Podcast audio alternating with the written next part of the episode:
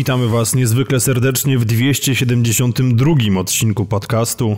Odcinku wyjątkowym, ponieważ pierwszy raz w tym roku za oknem zrobiło się relatywnie ciepło. Podkreślam słowo relatywnie, ponieważ ostatnie dni nie były jednak dla nas najlepsze. W związku z tym e, obecny w studiu Dawid jest nieco chory. Witam serdecznie. Będzie obecny, słychać. Tak, będzie słychać. Dobrze, obecny w studiu Robert również jest nieco chory. Witam równie serdecznie i równie choro.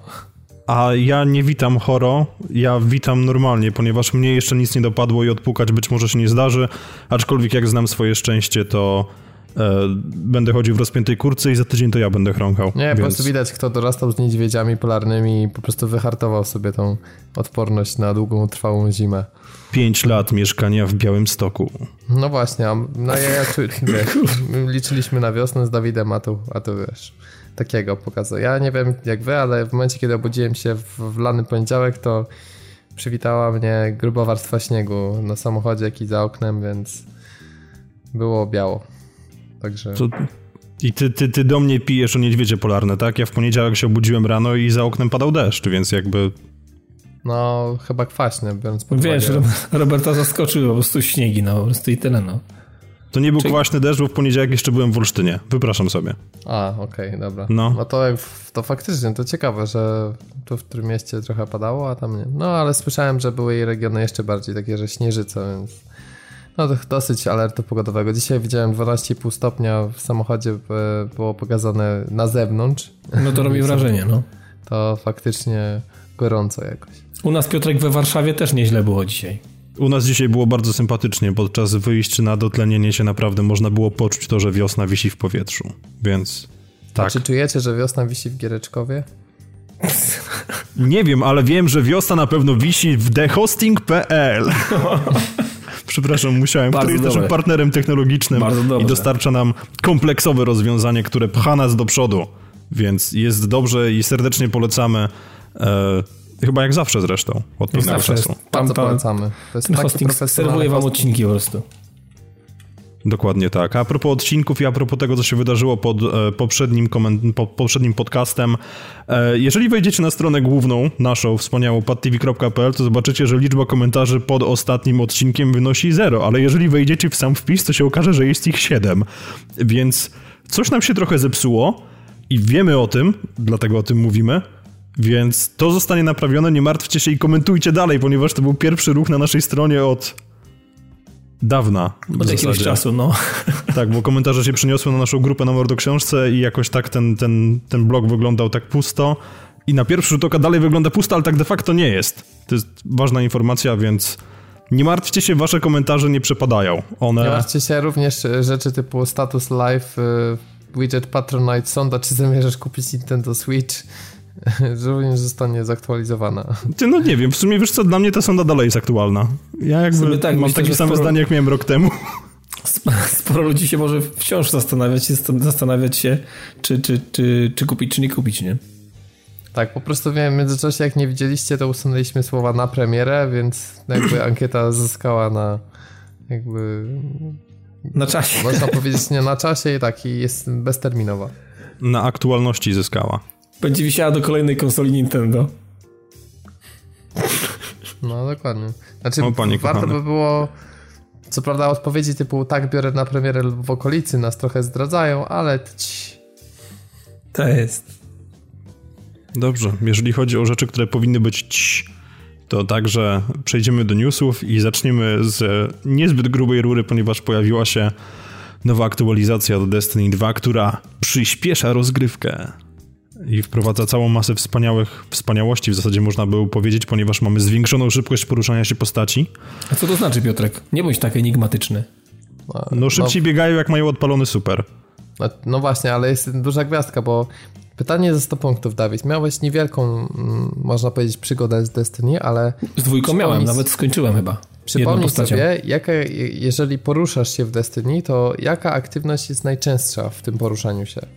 Skakanie. Skakanie na pewno przez większość czasu skaczesz. Mówię cały czas, jak poruszasz się, to co jest najczęstsze? To zależy, jaką subklasą grasz. A powiedzmy, że normalnie się przemieszczasz po prostu. Nie wiem, co tam jest najczęstsze. No, mi się wydawało, że sprint. Po prostu bieg szybki. Nie, no tak, ale Że to jest jakby podstawa poruszania się, a dodatkowo to przyplatasz skokami, superami i tak dalej. No tak, tak, tak. No a ten patch, Piotrek popraw mnie jeśli się mylę, przyspiesza na przykład chodzenie, ale już biegania nie przyspiesza. Czyli co, chodzi szybciej niż biega? Nie, chodzi szybciej w stosunku do tego jak biega, ale dalej jest to wolniej. Kurwa, to jest całe Destiny, nic z tego nie rozumiem, ale okej, okay. Piotrek wytłumacz. Wiesz co, nie wiem czy mam siłę, prawdę powiedziawszy, ja postawiłem trochę krzyżyk na tej grze i ostatnio jak wyszedł ten patch, to stwierdziłem, że nawet nie chce mi się odpalać, żeby zobaczyć. No shit. Jeszcze jest jeden ciekawy tryb. Nie wiem, czy dyskutowaliśmy o tym, Piotrek, że jak się pojawi y, zmiana, że wreszcie w PvP będzie, będą starcia e, na przykład 6 na 6, ale w tej chwili wróciły też 4 na 4, taki rumble, nie?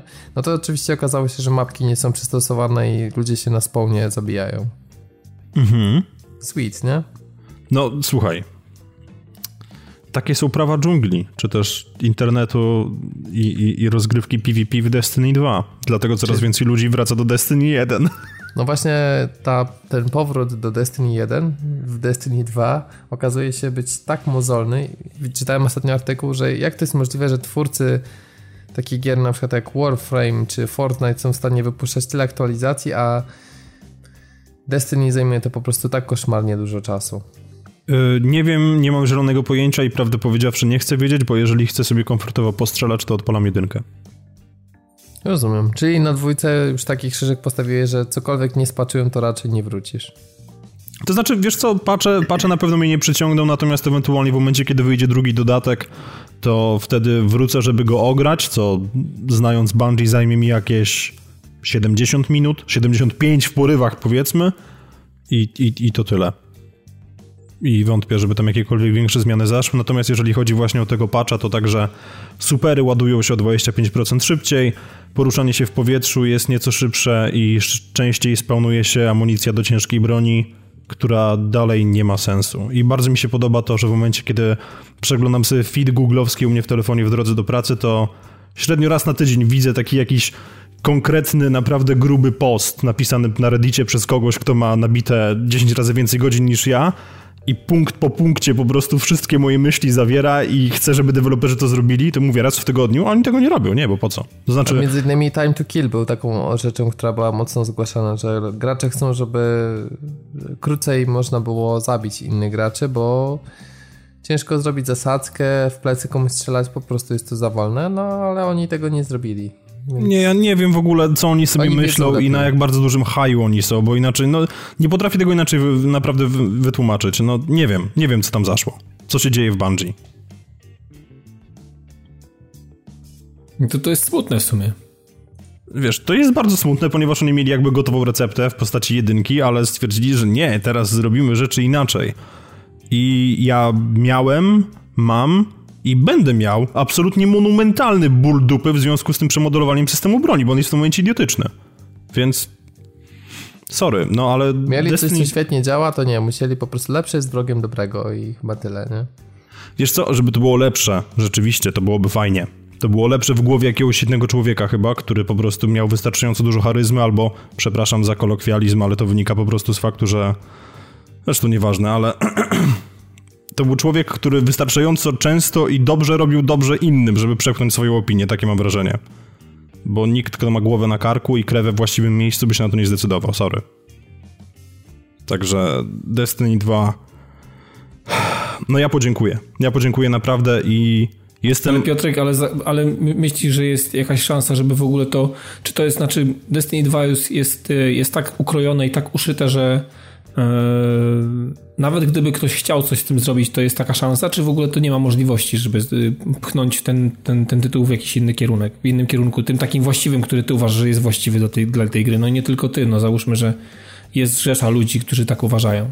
Czy można, znaczy... z, tym, z tym, czy można tą, z tą grą coś faktycznie jeszcze zrobić?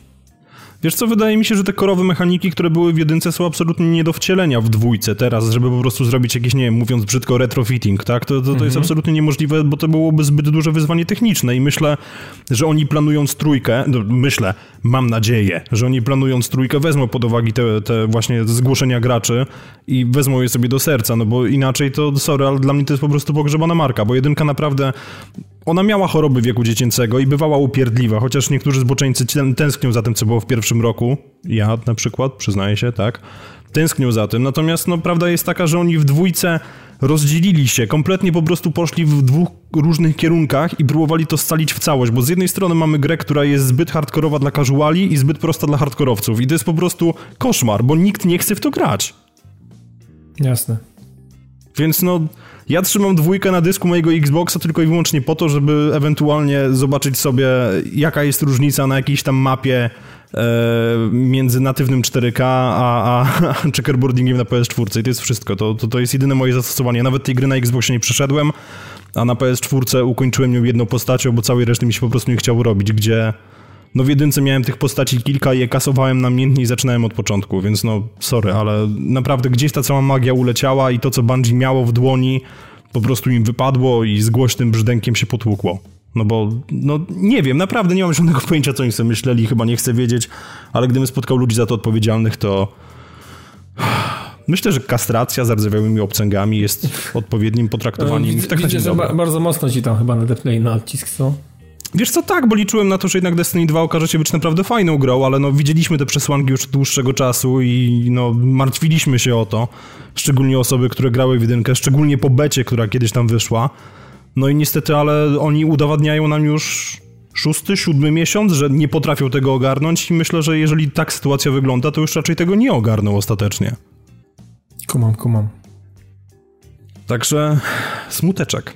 Tak po prostu smuteczek. Pytanie teraz, czy będzie smuteczek po stronie fanboyów Sony w związku z tym, że No Man's Sky trafi na Xboxa One? Jeżeli ktoś w ogóle ma ból tyłka o to, że nowa grupa graczy dostaje dostęp do jakiejś gry, to powinien dla mnie zmienić hobby dosłownie. Dokładnie, powinien się zająć, nie wiem, zbieraniem stonki ziemniaków, kurwa. Ewentualnie obracaniem betoniarki.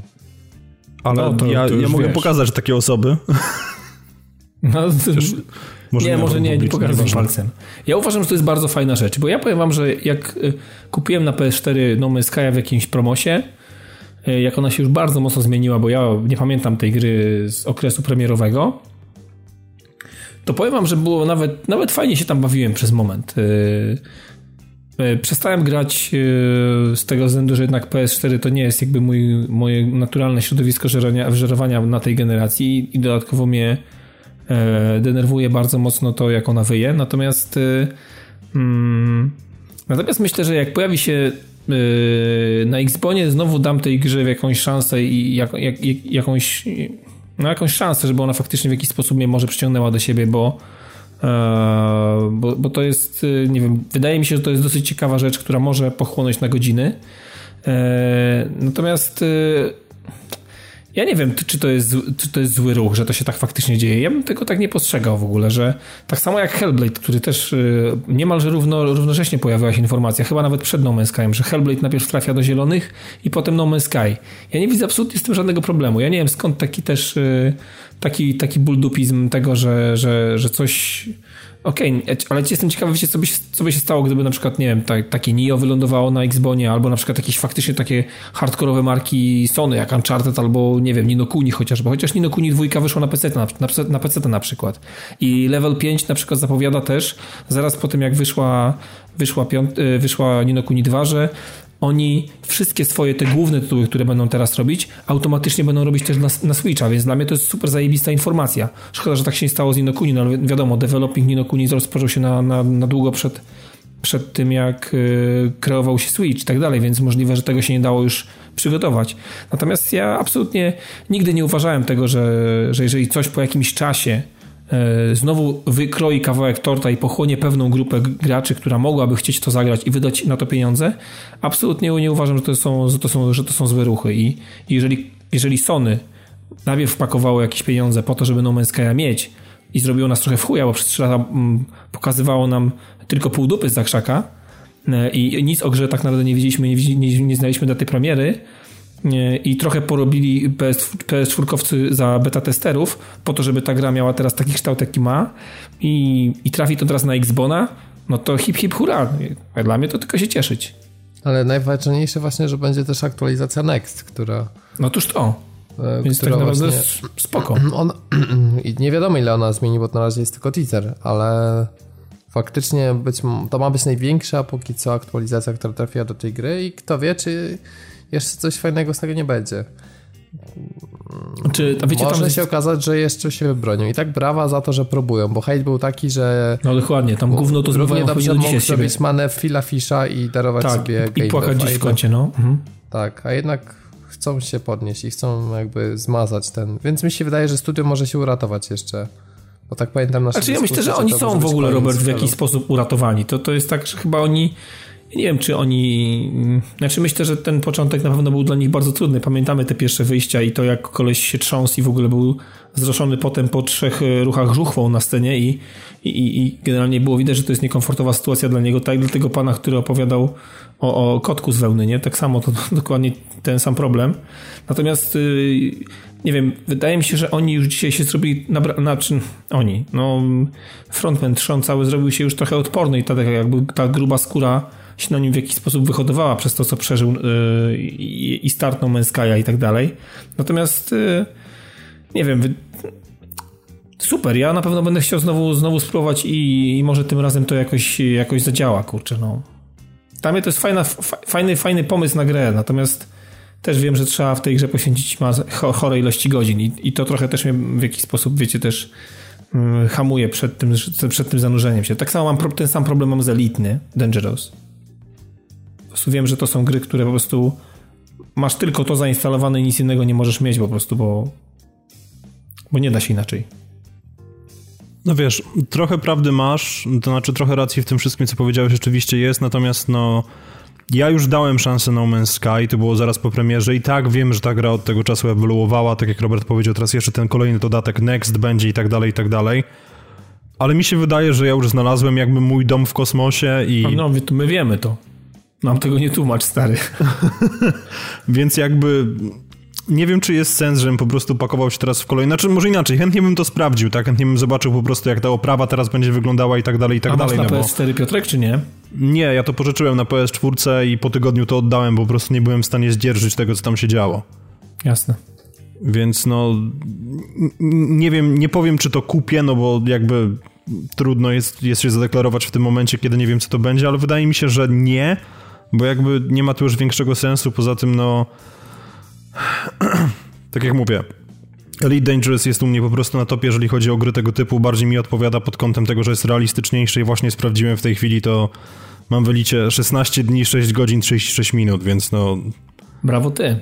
Gdybym miał teraz zainwestować podobną, po, podobną ilość czasu w kolejną grę tego typu, to no, no nie wiem, może No Man's Sky mi jeszcze tam w jakiś sposób przyciągnie, ale mm, mm, mm, nie czuję tego.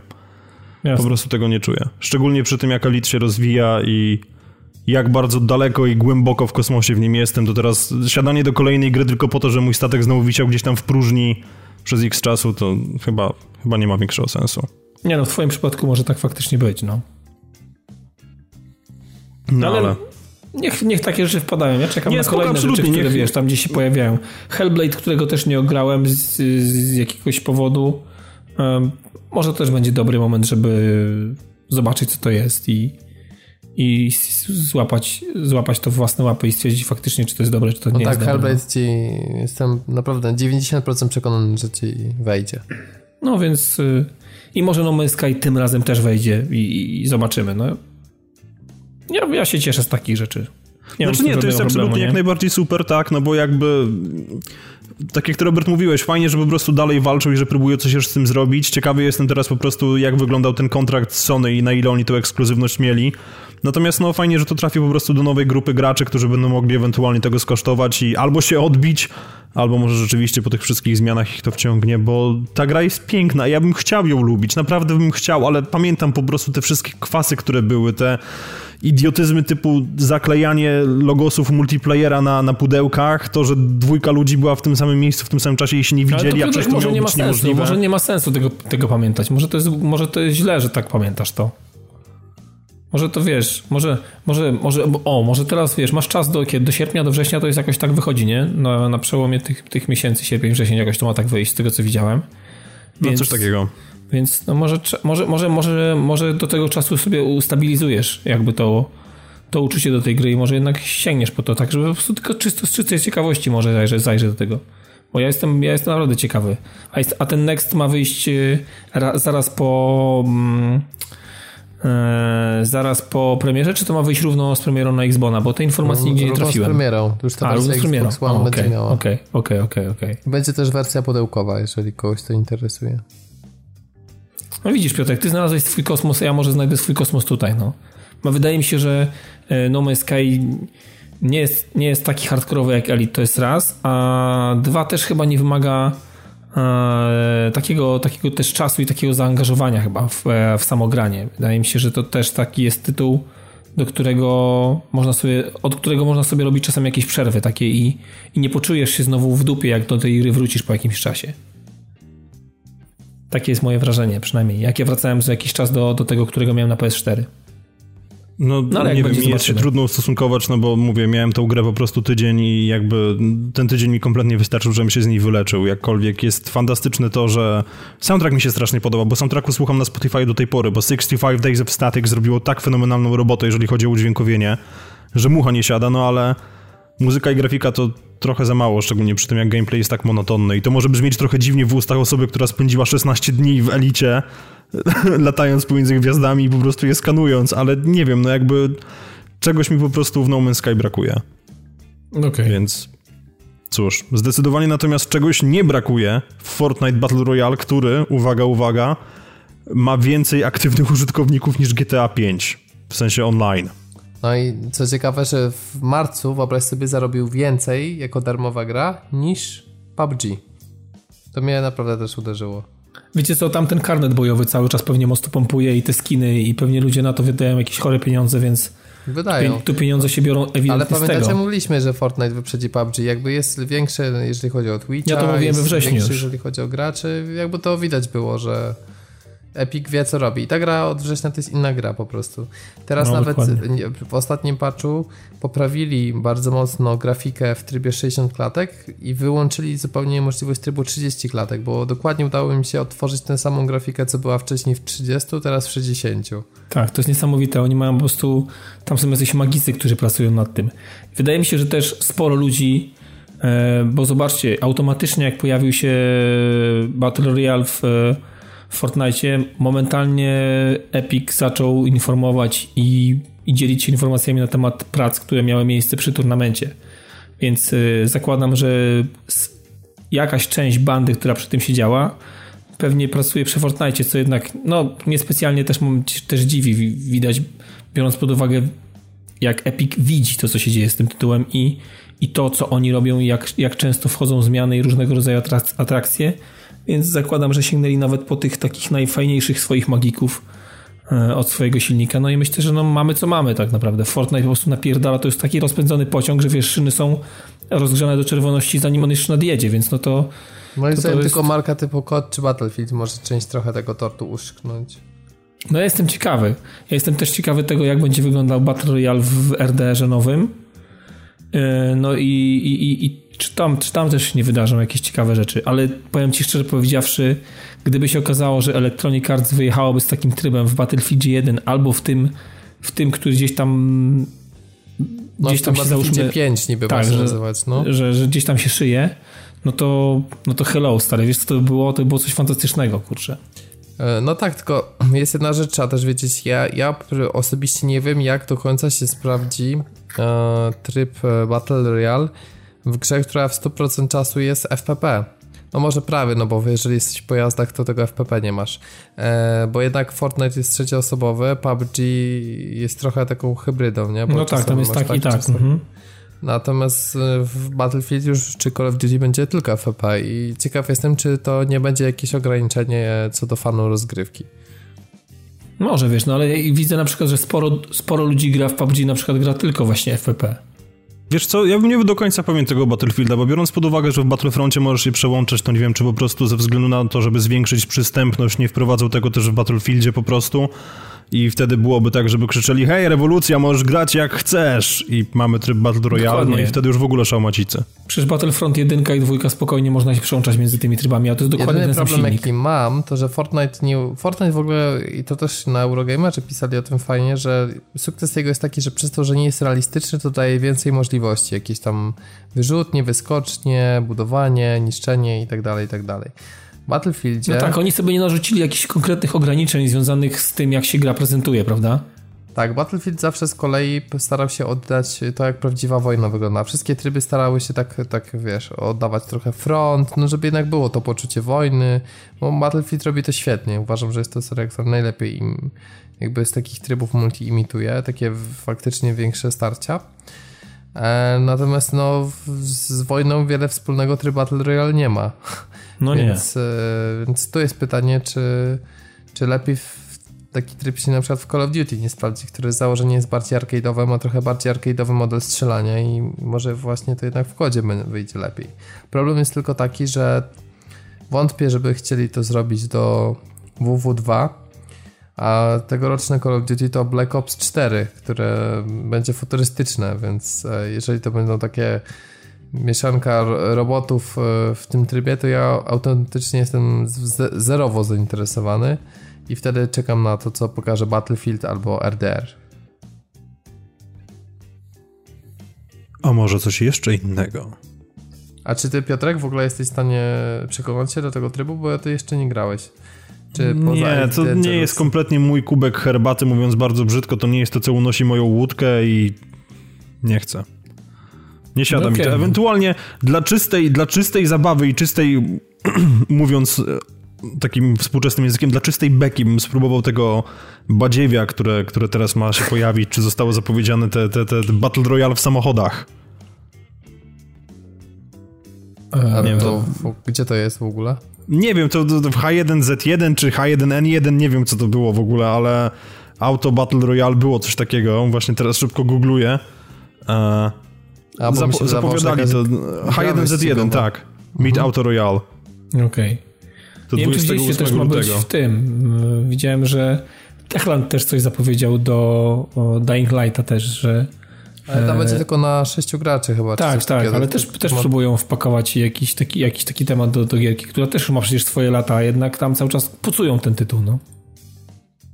A jeszcze myślę, że Fortnite dostanie mega boosta, dlatego że dzisiaj otworzyli e, też dostęp dla graczy iOS-owych. I tak, normalnie tak, jest dostępny tak. na iPhone'ie i, i co jest kolejną magią, że E, Fortnite na iPhone wygląda praktycznie tak jak na konsoli. Mi się strasznie podoba to, że ludzie już znaleźli sposób na to, żeby podpiąć przez Bluetooth mysz i klawiaturę. Jebańcy. I jest po prostu taki burdel w tych lobby, no bo jest, jest przewaga, tak? Można się spierać ewentualnie, czy ktoś, kto jest wyćwiczony na padzie, strata tata, dałby radę grać z kimś z myszkami, tak? Wiemy, że odpowiedzi są na to różne i tak dalej, bo ile ludzi... Albo na ekranie opinii. ludzie grają, wiesz. Tak, ale w momencie, kiedy po prostu masz postawiony gówniany, wirtualny D-pad kontra mysz i klawiatura, to jest tak przezabawne i tam jest naprawdę, tam jest monumentalne burdupy, tam już nawet wiadra tej maści nie wystarczą, więc... No na pewno. Przepraszam, że mi to bawi, nie powinno jako ale konsolowca, no ale... o Fortnite czy o PUBG Mobile, bo to też jest tam... Wiesz co, nie wiem, w której z tym, któraś z tych gier z Battle ja ich nie rozpoznaję. Dla mnie to są po prostu dwa tożsame rzeczy, tylko dwie tożsame rzeczy, tylko wiem, że jedna działa źle, a druga działa normalnie, więc no...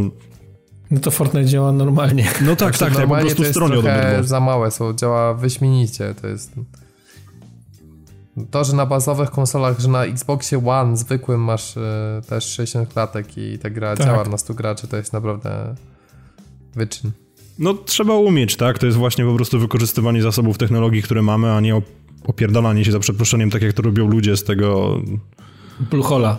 Tak. Oni powinni być czarna dziura, a nie kurwa. Niech jeszcze tylko zrobią na Switcha e, tego Fortnite'a i w ogóle będzie zajebiście. Nie myślałem, że chcę, żeby na Switcha zrobili PUBG, które by działało w trzech klatkach. O oh, shit. Nie, nie, nie, nie. nie. Chociaż wiecie co, teraz przez święta miałem możliwość obserwowania PUBG na, na telefonie i to zaskakująco lepiej wygląda niż na Xboxie One X.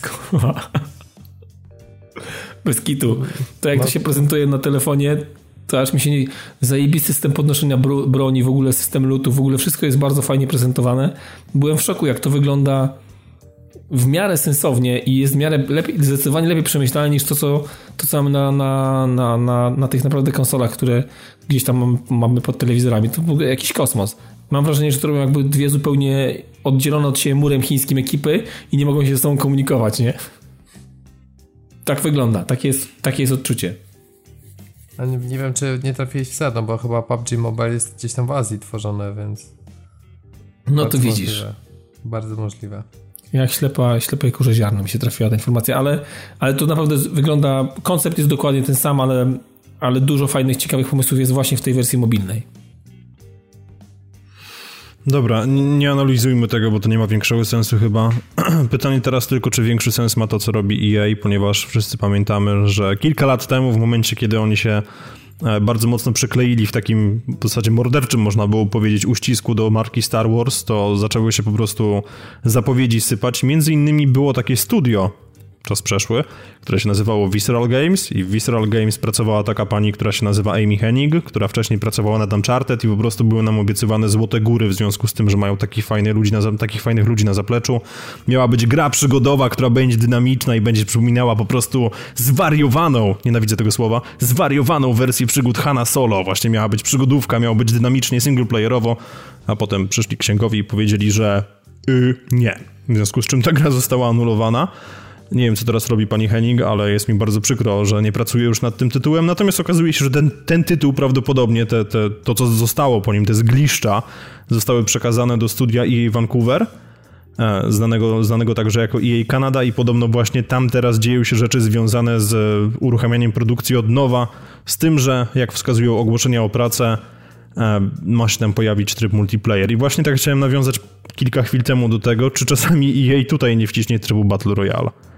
Bo... Bardzo możliwe, ale to no. też może być taka w ogóle gra w stylu właśnie Destiny, że całkowicie albo inaczej, będzie to gra, która ma dużo mniej fabuły niż Destiny, całkowicie postawi na zmagania Robert, życiowe. jeżeli ta gra będzie miała mniej fabuły niż Destiny, to będzie pokaz slajdów na dzień dobry w PowerPoincie. No, więc tego się spodziewam właśnie. Tego się spodziewam, bo wydaje, słuchajcie, to jest ostatnia szansa. Jeżeli EA to spierdoli, to zabiorą im licencję na Gwiezdne Wojny. Tak, tak, uważam. Dlatego, że pierwszy Battlefront się nieźle sprzedał, ale nie utrzymał społeczności. Drugi Battlefront to jest porażka. Przy okazji mamy właśnie grę Visceral Games, która nie wyszła. Myślę, wydaje, że LucasArts nie jest zadowolony z tej współpracy. W sumie się im nie dziwię. Znaczy to nie LucasArts, to Disney w zasadzie w tej chwili. Znaczy, nie, wiem, czy jeszcze te prawa nie były jak za LucasArts, no ale możliwe, że Disney tak. No Disney na pewno nie jest, nie jest zadowolony. No a Disney w tej chwili trzęsie wszystkim, więc no uhu, może potrząśnie trochę EA. Zobaczymy. W każdym razie, no ta gra teoretycznie się tworzy. Ja nie wiem, mi brakuje singleplayerowych doświadczeń, takich typowo stricte. I z jednej strony rozumiem, że jestem w niszy i to takiej totalnej, ponieważ ludzi mojego pokroju to już jesteśmy dinozaurami, więc no ale powiem ci, że szybko bym się znudził taką branżą, która ma same takie Fortnite, PUBG, jakieś, wiesz... E, Ale Robert, online. chyba do tego trochę dążymy, no. We wszystkim teraz będzie tryb Battle Royale.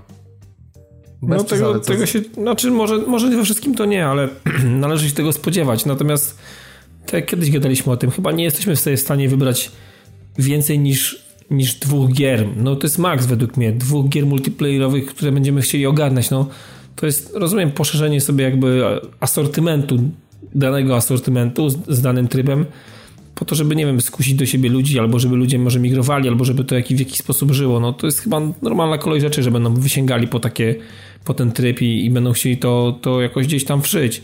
Widziałem jakieś, wiecie, gry związane z, z Battle Royale w stylu Soulsów, więc za chwilę ma coś takiego się pojawić, więc też ciekawa jakaś hybryda i ciekawe połączenie, więc chyba tego się należy spodziewać, no nie, chyba nie unikniemy tego, no. Ja się w tej chwili przestraszyłem wewnętrznie, że może właśnie dlatego aktualizacje do Destiny, znaczy nie interesuje mnie to już do końca aż tak bardzo, ale może właśnie dlatego aktualizacje do Destiny 2 wychodzą w taki, a nie inny sposób, bo oni siedzą i sami dłubią nad czymś takim. To była moja pierwsza myśl, a potem przypomniałem sobie, że nie są w stanie zrobić w tym momencie multiplayera na więcej niż 12 osób, więc problem solved. Albo to wypuszczą i nie będzie działało w ogóle. A powiedzcie mi, kto, jakie studio czy jakiś wydawca chcielibyście, żeby przejął e, od EA e, licencję na gry z uniwersum Gwiezdnych Wojen? Mi chyba w ogóle Gwiezdne Wojny leżą, więc mi to jest obojętne. Więc... Piotrek? Ja słyszę tykanie zegara i się zastanawiam nad odpowiedzią, bo nie mam zielonego pojęcia, komu bym chciał to dać. Wiem, Ale... że nie chcę, żeby to było w rękach EA. To jest trochę jak sytuacja polityczna w naszym kraju, że wiemy, że nie chce kto, żeby... Wiem, że nie chce... Kurwa. Ochłoń. Wiem. nie, po prostu przepraszam bardzo, ale przed chwilą zostałem przyłapany po prostu na popijaniu i nie będę się tłumaczył. Wiem, że, że po prostu nie chcę, żeby te, te, te prawa do marki były w rękach EA, bo to, co oni pokazują ostatnio sobą, to, co prezentują zamykając studia i to, co pokazują po prostu całą tą kontrowersją wokół tych lootboxów, której też nie mogę zapomnieć i nie zapomnę po prostu. Plus fakt, że dalej nie mogę się połączyć z serwerami, więc pozdrawiam EA, zresetowałem router. E, nie chcę, żeby oni to mieli, ale nie za bardzo mi przychodzi do głowy, kto ewentualnie mógłby się tym zająć. Naprawdę nie wiem, no bo nie, to znaczy jasne, że oczywiście w tym momencie po prostu dywagujemy, tak? I mogę równie dobrze powiedzieć, że chciałbym, żeby, to się, żeby tym się zajęło Guerrilla Games, no ale wiadomo, wiadomo, że to się nie stanie, bo to by automatycznie ograniczyło e, rzut platform do jednej, więc no ain't gonna happen. Natomiast nie mam pomysłu, kto ewentualnie mógłby się tak naprawdę sensownie tym zająć. No. Może nie ma takich ludzi, Piotrek, szczerze powiedziawszy. Okej, okay, zakładamy studio. tak, ja metalowego słonia bym ogarniał. O Boże. Już widzę wyścigi z metalowym słoniem dużym. No Battle Royale na metalowych słoniach, chłopie. Ale uważam, że Naughty Dog powinno zrobić grę w, w serii Gwiezdnych Wojen i fajnie jakby Sony przejęło tą, co się nie starzy, bo oni filmowo yy, konkurują, ale uważam, że Sony mogłoby zrobić coś sensownego, jeżeli chodzi o doświadczenie single player, bo oni chociaż jakoś są w stanie, tak? W sensie mamy Horizon, teraz God of War, y, Detroit, no u Sony jeszcze jest sporo tych gier singleplayerowych, więc tu jest jakaś nadzieja. Przepraszam, wspomniałeś o Detroit, czy widzieliście okładkę Detroit? Nie, ale w sensie, że przedmieścia są pokazane, te opuszczone, czy co? Nie, nie, nie. Dawid, widziałeś? Wiesz co, widziałem, ale jakoś specjalnie mnie tam... Ale to chyba... z okiem takim i twarzą Nie, nie specjalnie mnie coś tak, że tak tam zcięło z nóg. No nie wiem, to, to, tam nie było czemu cię ścinać z nóg po prostu, bo ta dokładka jest nudna jak flaki z olejem, to wygląda po prostu jak jakiś, nie wiem, brazylijska telenowela klasy B. A to o to ci chodziło. Myślałem, że po prostu coś tam było takiego niesamowitego, że wiesz. Nie no. Okej, okay, nie zrozumiałem tego, co chcesz. Co, Dawid Karze i coś niesamowitego. No sorry, no, ale to się no, skończyło no. jakieś 15 lat temu. Okej, okay, okej, okay. w, sumie, w sumie rację, no. Podobno wcale nie jest aż takie drogie Detroit. Kosztowało 30 milionów e, euro mimo tego całego przedłużającego się procesu produkcji. Wow. To tak na marginesie. Jestem, jestem pod wrażeniem. Sony musi mieć naprawdę sporo hajsu do przepalenia, skoro 30 milionów dla nich to nie jest dużo w tym wypadku. No, wiesz, są takie projekty, które na przykład, wiesz, BioWare wydało na e, ten e, Star Wars Online przecież e, The Old Republic e, miliard, więc wiesz. Wydaje mi się, że logo BioWare było na gorszym kupsztalu niż to. Nie o to chodzi, ale raczej wiesz, ta gra przypominam ci przyszła do free to play po półtora roku od premiery. Tak, tak, pamiętam to. No, dobra. Mniejsza. A przy okazji jeszcze też coś e, czytałem odnośnie tego, że jej, nie wiem, czy to puściło jakieś specjalne przecieki, czy nie, że właśnie gdyby nie jej, to nie byłoby BioWare. Bo przedstawiciele BioWare'u na jakimś amerykańskim konwencie HavenCon o tym opowiadali no i pracownicy odpowiedzieli, że gdyby nie jej, to BioWare najprawdopodobniej zbankrutowałby przy premierze Knights of the Old Republic. No i przyznali też, że w związku z tym Nie, chwilę, wow, wow, wow, jak to? Przy, przy Knights of the Old Republic którym? Przy pierwszym. Przy pierwszym Kotorze.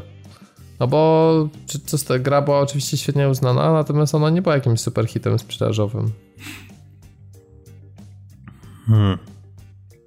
Ja nie pamiętam, kto wydawał dwójkę. To było EA?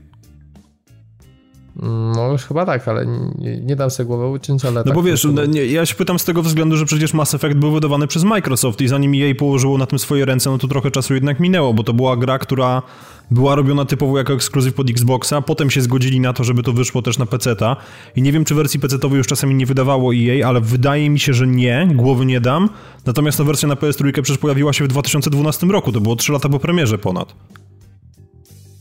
Więc trochę mi się tutaj nie klei chronologia, no ale możliwe, że tam jej jakoś ich zasiliło i rzeczywiście dzięki dzięki jej ale mamy też Mass mogli Effecta. zacząć nabyć udziały, więc nie musieli od razu przyjąć całego studia, może to o to chodzi.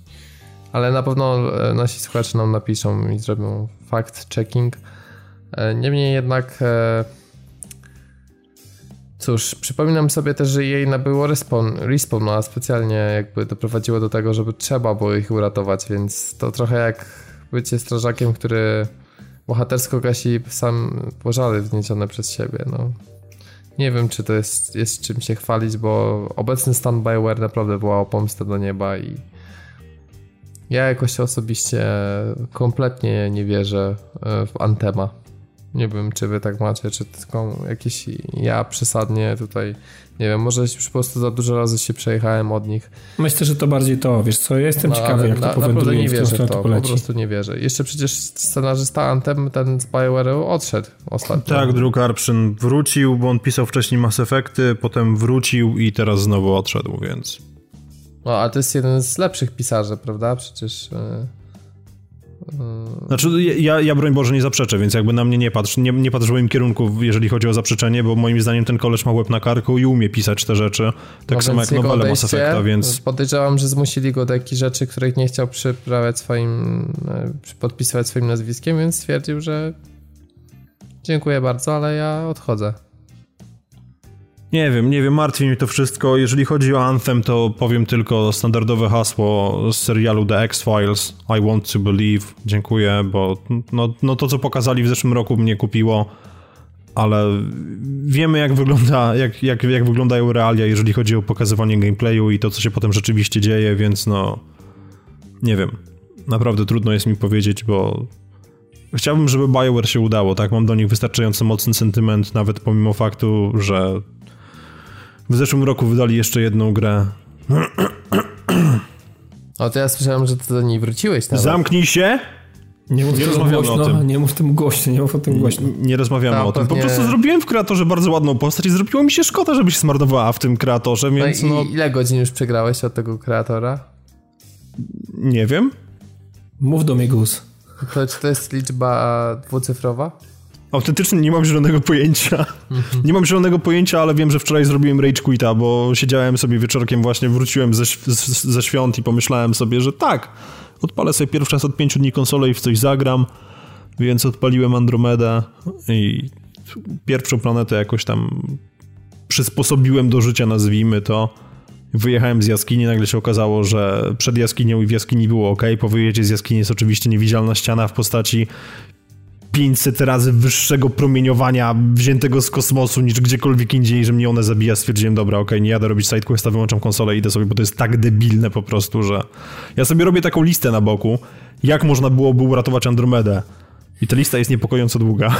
A jestem na pierwszej planecie, przypominam. Destiny 2, Andromeda, po prostu taki, wiesz, trochę taki syndrom Piotrkowski, można to nazwać. Nie, to jest syndrom nieumiejętnego sequela. Mass Effect 1 i Mass Effect 2 udowodniły, że można. Ale tutaj widzimy, że nie bardzo. No ale to też może jest kwestia po prostu tego, że team deweloperski nie był wystarczająco doświadczony i No tak, bardzo bo wiedział, co takie robi. marki jak Mass Effect daje się żółtodziobom, w końcu to wiesz. Standard, Dokładnie. standardowa praktyka branży gier wideo. Czyż nie? Przecież Uncharted 4 też robili ludzie, którzy dopiero zaczynali w Tak, to była sarkazm i ironia. ja Myślę, że wyłapali wszyscy. nie wiem, co ci mam powiedzieć. Chyba nie chcę się wypowiadać odnośnie tego, więc po prostu przejdziemy dalej. Pytanie, czy słusznie postępuje Microsoft, który prawdopodobnie wprowadzi usługę wypożyczania gier z Xbox Store. Wszystko wzięło się stąd, że na NeoGafie użytkownik, no mój Boże, Ibiza Pocholo, czy, czy jakkolwiek, to się- nie wiem, nie umiem w hiszpańskim, uczyłem się go 3 lata i nie potrafię się przedstawić. Nie powinienem tego No to mówić. nauka To znaczy, że się nie uczyłeś, no. A ile No- razy byłeś na tym hiszpańskim? Kilka? A To było na studiach, no czego ode mnie oczekujecie? a Jak ile- mówili, chodź do kotłowni na piwo, a idź na zajęcia, no to Ile gier na picie przeszedłeś w tym czasie? Właśnie. I, I na pewno były to granie na hiszpańskim. Po hiszpańsku. Raymana. roko, tak klimatycznie, żeby było, wiesz... Loko Guacamole było nabite chyba. Guacamele. Mniejsza, wróćmy, wróćmy do tego. Pan Ibiza, czy jakkolwiek to się mówi, wrzucił e, screen e, statusu z Twittera, na którym widać, że można byłoby wypożyczyć sobie Force Motorsport 7 na 3 miesiące za 69 reali. Mhm. Real okazuje się, że jest wart mniej więcej tyle co złotówka, bo wychodzi, że to 72 zł, więc fani piłki nożnej są wzburzeni, tudzież pewnej sieci sklepów. Tak czy inaczej, czy usługa wypożyczania waszym zdaniem jest nam jeszcze potrzebna w momencie, kiedy jest już Game Pass? No nie, właśnie tak miałem o to zapytać, no. Moim zdaniem nie, dlatego że Game Pass to taki Netflix dla gier i jeżeli Microsoft właśnie dorzuca takie tytuły jak e, Sea of Thieves i wszystkie w ogóle nowości będą State of Decay, rewelacja. Ale po co mam jeszcze wypożyczyć Forza? No chyba, żeby po to, że stwierdzam powiedzmy, że nastawiam się, że chcę tylko trochę pograć i szkoda mi jest wydawać kasę na, na pełny tytuł, więc sobie go wypożyczę. I na przykład tu jest na 3 miesiące, ale byłbym w stanie wypożyczyć jakąś grę na, nie wiem, dwa tygodnie powiedzmy. No to wiem, że mam trochę czasu i teraz sobie na przykład pogram. Ale ani nie wydaje mi się to jakieś ani super dobre dla klientów, w sensie wątpię, żeby cena mogła być na tyle atrakcyjna, bo jeżeli mamy taką Forza Motorsport z 72 zł, a można ją wyrwać gdzieś koło stówki normalnie, no to czy jest sens? Nie no, to się mija z celem. Zastanawiam się, jak, jaka ma być zasada tego działania. Czy to jest tak, bo co innego płacić abonament, a czy to, rozumiem też jest jakaś opłata, jakaś, jakaś aktywacyjna tej wypożyczalni? Jak to ma, w ogóle, jak to ma wyglądać? Nie, to, to jest... są za gry, które chyba nie są w Game Passie po prostu, jako taka alternatywa. No tak, ale to za chwilę tam nic nie będzie. Ale to jest strasznie głupie i to jest patrzenie wstecz, ponieważ Microsoft przecież zapowiedział, że wszystkie gry, które będą się pojawiały first party, tak, wydawane przez nich na platformie, będą w Game, w game Passie. Więc jaki jest sens płacić 72 zł za 3 miesiące wypożyczania jednej gry, skoro 29 zł chyba kosztuje miesiąc Game Passa i tam mam pierdyliard gier. No to już wolę dopłacić te 17 zł, tak? I no, no nie wiem. W Game Passie niby nie masz tej Forzy, załóżmy, tak? Wow, stary, no to jest jedna gra i, i, i co poza tym? No poza tym tak nie za dużo, bo Microsoft ma mało ekskluzywów, więc to, że wszystkie ekskluzywy wystartują, to znaczy, że był, jest Sea of Thieves i będzie za chwilę State of Decay 2 i Crackdown 3, no. No Crackdown 3 akurat nikogo. No, a Więc tego, tego bym specjalnie może być zbagowanym kupsztalem, który optymalizacją tak będzie walczył Ale najważniejsze, że będzie 4K i HDR, no. Ale będzie jak PUBG, rozumiesz? Może tak być. Dobra, ale teraz okej, okay, w porządku. No powiedzmy, że mamy tego Game Passa, tak, że mamy tu wypożyczalnię, ale trzeba jeszcze pamiętać o tym, że przy okazji jest EA Access. No to w końcu to jest trochę tak, że Microsoft tym zachłyśnie i wszyscy wokół przy okazji też, no bo będziesz w sumie płacił cztery abonamenty, no bo Xbox Live, tak, Game Pass, do tego ta wypożyczalnia, to powiedzmy, że nie abonament, ale ta wypożyczalnia no, i do tego jeszcze tak? EA Access, no to to jest bez sensu. No, oni chcą po prostu, widzą, że się słabo chyba gry sprzedają i chcą ludzi uzależnić drobniejszymi kwotami, ale pomnożonymi razy kilka i, i chcą, nie wiem, budować lojalność w ten sposób. No, moim zdaniem, tak jak wypożyczalnie DVD mm, umarły, i wszyscy oglądają Netflixa. Tak samo uważam, że to jest jakiś poroniony pomysł, który trochę jest, e, jest jakby, wiesz, nie z tej epoki. Ja nie widzę wystarczającej wartości dla klienta i uważam, że jeżeli ktoś e, bardzo mu zależy na grze, której nie ma w Game Passie, to niech po prostu sobie kupi Dokładnie tak. Dokładnie to samo, to samo miałem na myśli. Tym bardziej, że gry i tak się zmieniły w taki sposób, że nie wystarcza e, ich przejść e, tam w tydzień, dwa, tylko to są takie doświadczenia, które dostają patche, DLC i tak dalej. No, dzisiaj to są bardziej game as service, tak? Więc w tym momencie to jest bardziej skazywanie się na kolejny abonament, tak jak Piotrek powiedział, a nie faktycznie bo wiesz, są gry takie jak A Way Out, ale kurczę, A Way Out po pierwsze pewnie będzie niedługo w Access, po drugie kosztuje 99 zł w pudełku, a możesz za darmo jeszcze znajomego zaprosić do przejścia całej gry, no to jeszcze wypożyczać coś takiego, no to już by mi było wstyd przed twórcami w ogóle, tak, tak, tak, tak powiem szczerze. No tak, to taki I tak już ta gra jest no. śmiesznie tania i jakby i, i jest taka bardzo prokonsumencka, więc no... Ale takich gier nie ma za dużo, no. No chyba, że ktoś by chciał wypożyczać indyki, Dawid. To jest pytanie do ciebie, czy... No ale to by z kolei zabrało... No to też jest bez sensu. Sprzedaż gier indie by spadła, bo y, w te indyki na 5-6 godzin każdy by wypożyczał taniej, a nie kupował. No, twórcy mieli przejebane wtedy. Myślę, że to tak się... Mam nadzieję, że tak się nie stanie. Nie chciałbym być twórcą niezależnym, robiąc, robi, który robi małe gry, tanie gry i jeszcze ktoś mu nie wiem, płaci jakąś tam daninę z góry ustaloną, bo gra się znajdzie tam i tam. A tak naprawdę to znaczy, czasami nie, no, jest, wszystko, wiecie, wszystko... czasami z grami niezależnymi jest tak, że nie wiadomo, czasami one bardzo dobrze się sprzedają, bo siądzie bardzo fajnie, tytuł jest jakiś nowatorski i zamykanie się do tego, żeby mieć jakąś gwarancję, yy, że będzie jakiś przychód z danej gry w ramach takiego abonamentu, a nie zaryzykować i wprowadzić to po swojemu i zobaczyć, jak to się sprzedaje i można zrobić na tym dużo większe pieniądze. Z grami niezależnymi to jest śliski temat. Ja, ja mam nadzieję, że to się tak nie stanie. No. Ale wiesz, moż, można zarobić o wiele większe pieniądze, tak? Ale z drugiej strony możesz nie zarobić nic, więc wydaje możesz. mi się, że Microsoft może po prostu łapać tych ludzi w pewien sposób w pułapkę, bo przyjdzie do nich i powie, słuchajcie, wasza gra kosztowała X, my wam dajemy 2X i wchodzi do nas po prostu. No i w tym momencie oni się będą zastanawiali, tak? Czy odzyskać, czy to zainwestowali, bo mogą nie do końca być świadomi tego, że siedzą po prostu na złotym jaju. Mogą, mogą. I właśnie, I właśnie wiesz, no to, to może być ta pułapka, w którą Microsoft będzie tych ludzi łapał. Znaczy nie twierdzę, że to jest pułapka, tak? No bo z drugiej strony będą mieli hajs na rozwój i tak dalej, i tak dalej, ale tak jak mówisz, gdyby zaryzykowali, to rzeczywiście ich zyski mogłyby być 10 razy większe i wtedy w ogóle mogliby się no, rozwijać, jak, jak by im się żywnie podobało i nie, byli, nie byliby tutaj uzależnieni od Microsoftu. Więc no, pytanie jest po prostu o kasę. Chociaż wątpię, że Microsoft z drugiej strony chciał się bawić z małymi studiami, ale z trzeciej strony jeszcze patrząc, no to oni potrzebują tych gier po prostu jak lekarstwa, więc no... W różny sposób. Tu, tu, też zgoda. Tu, tu, tak naprawdę ciężko znaleźć ten, ten taki złoty środek, wydaje mi się, w takiej sytuacji. Nigdy nie dowiemy się, co jest w głowie Microsoftu. No, nigdy. Biorąc pod uwagę, jak czasami strzelają powyżej mojego kapelusza, to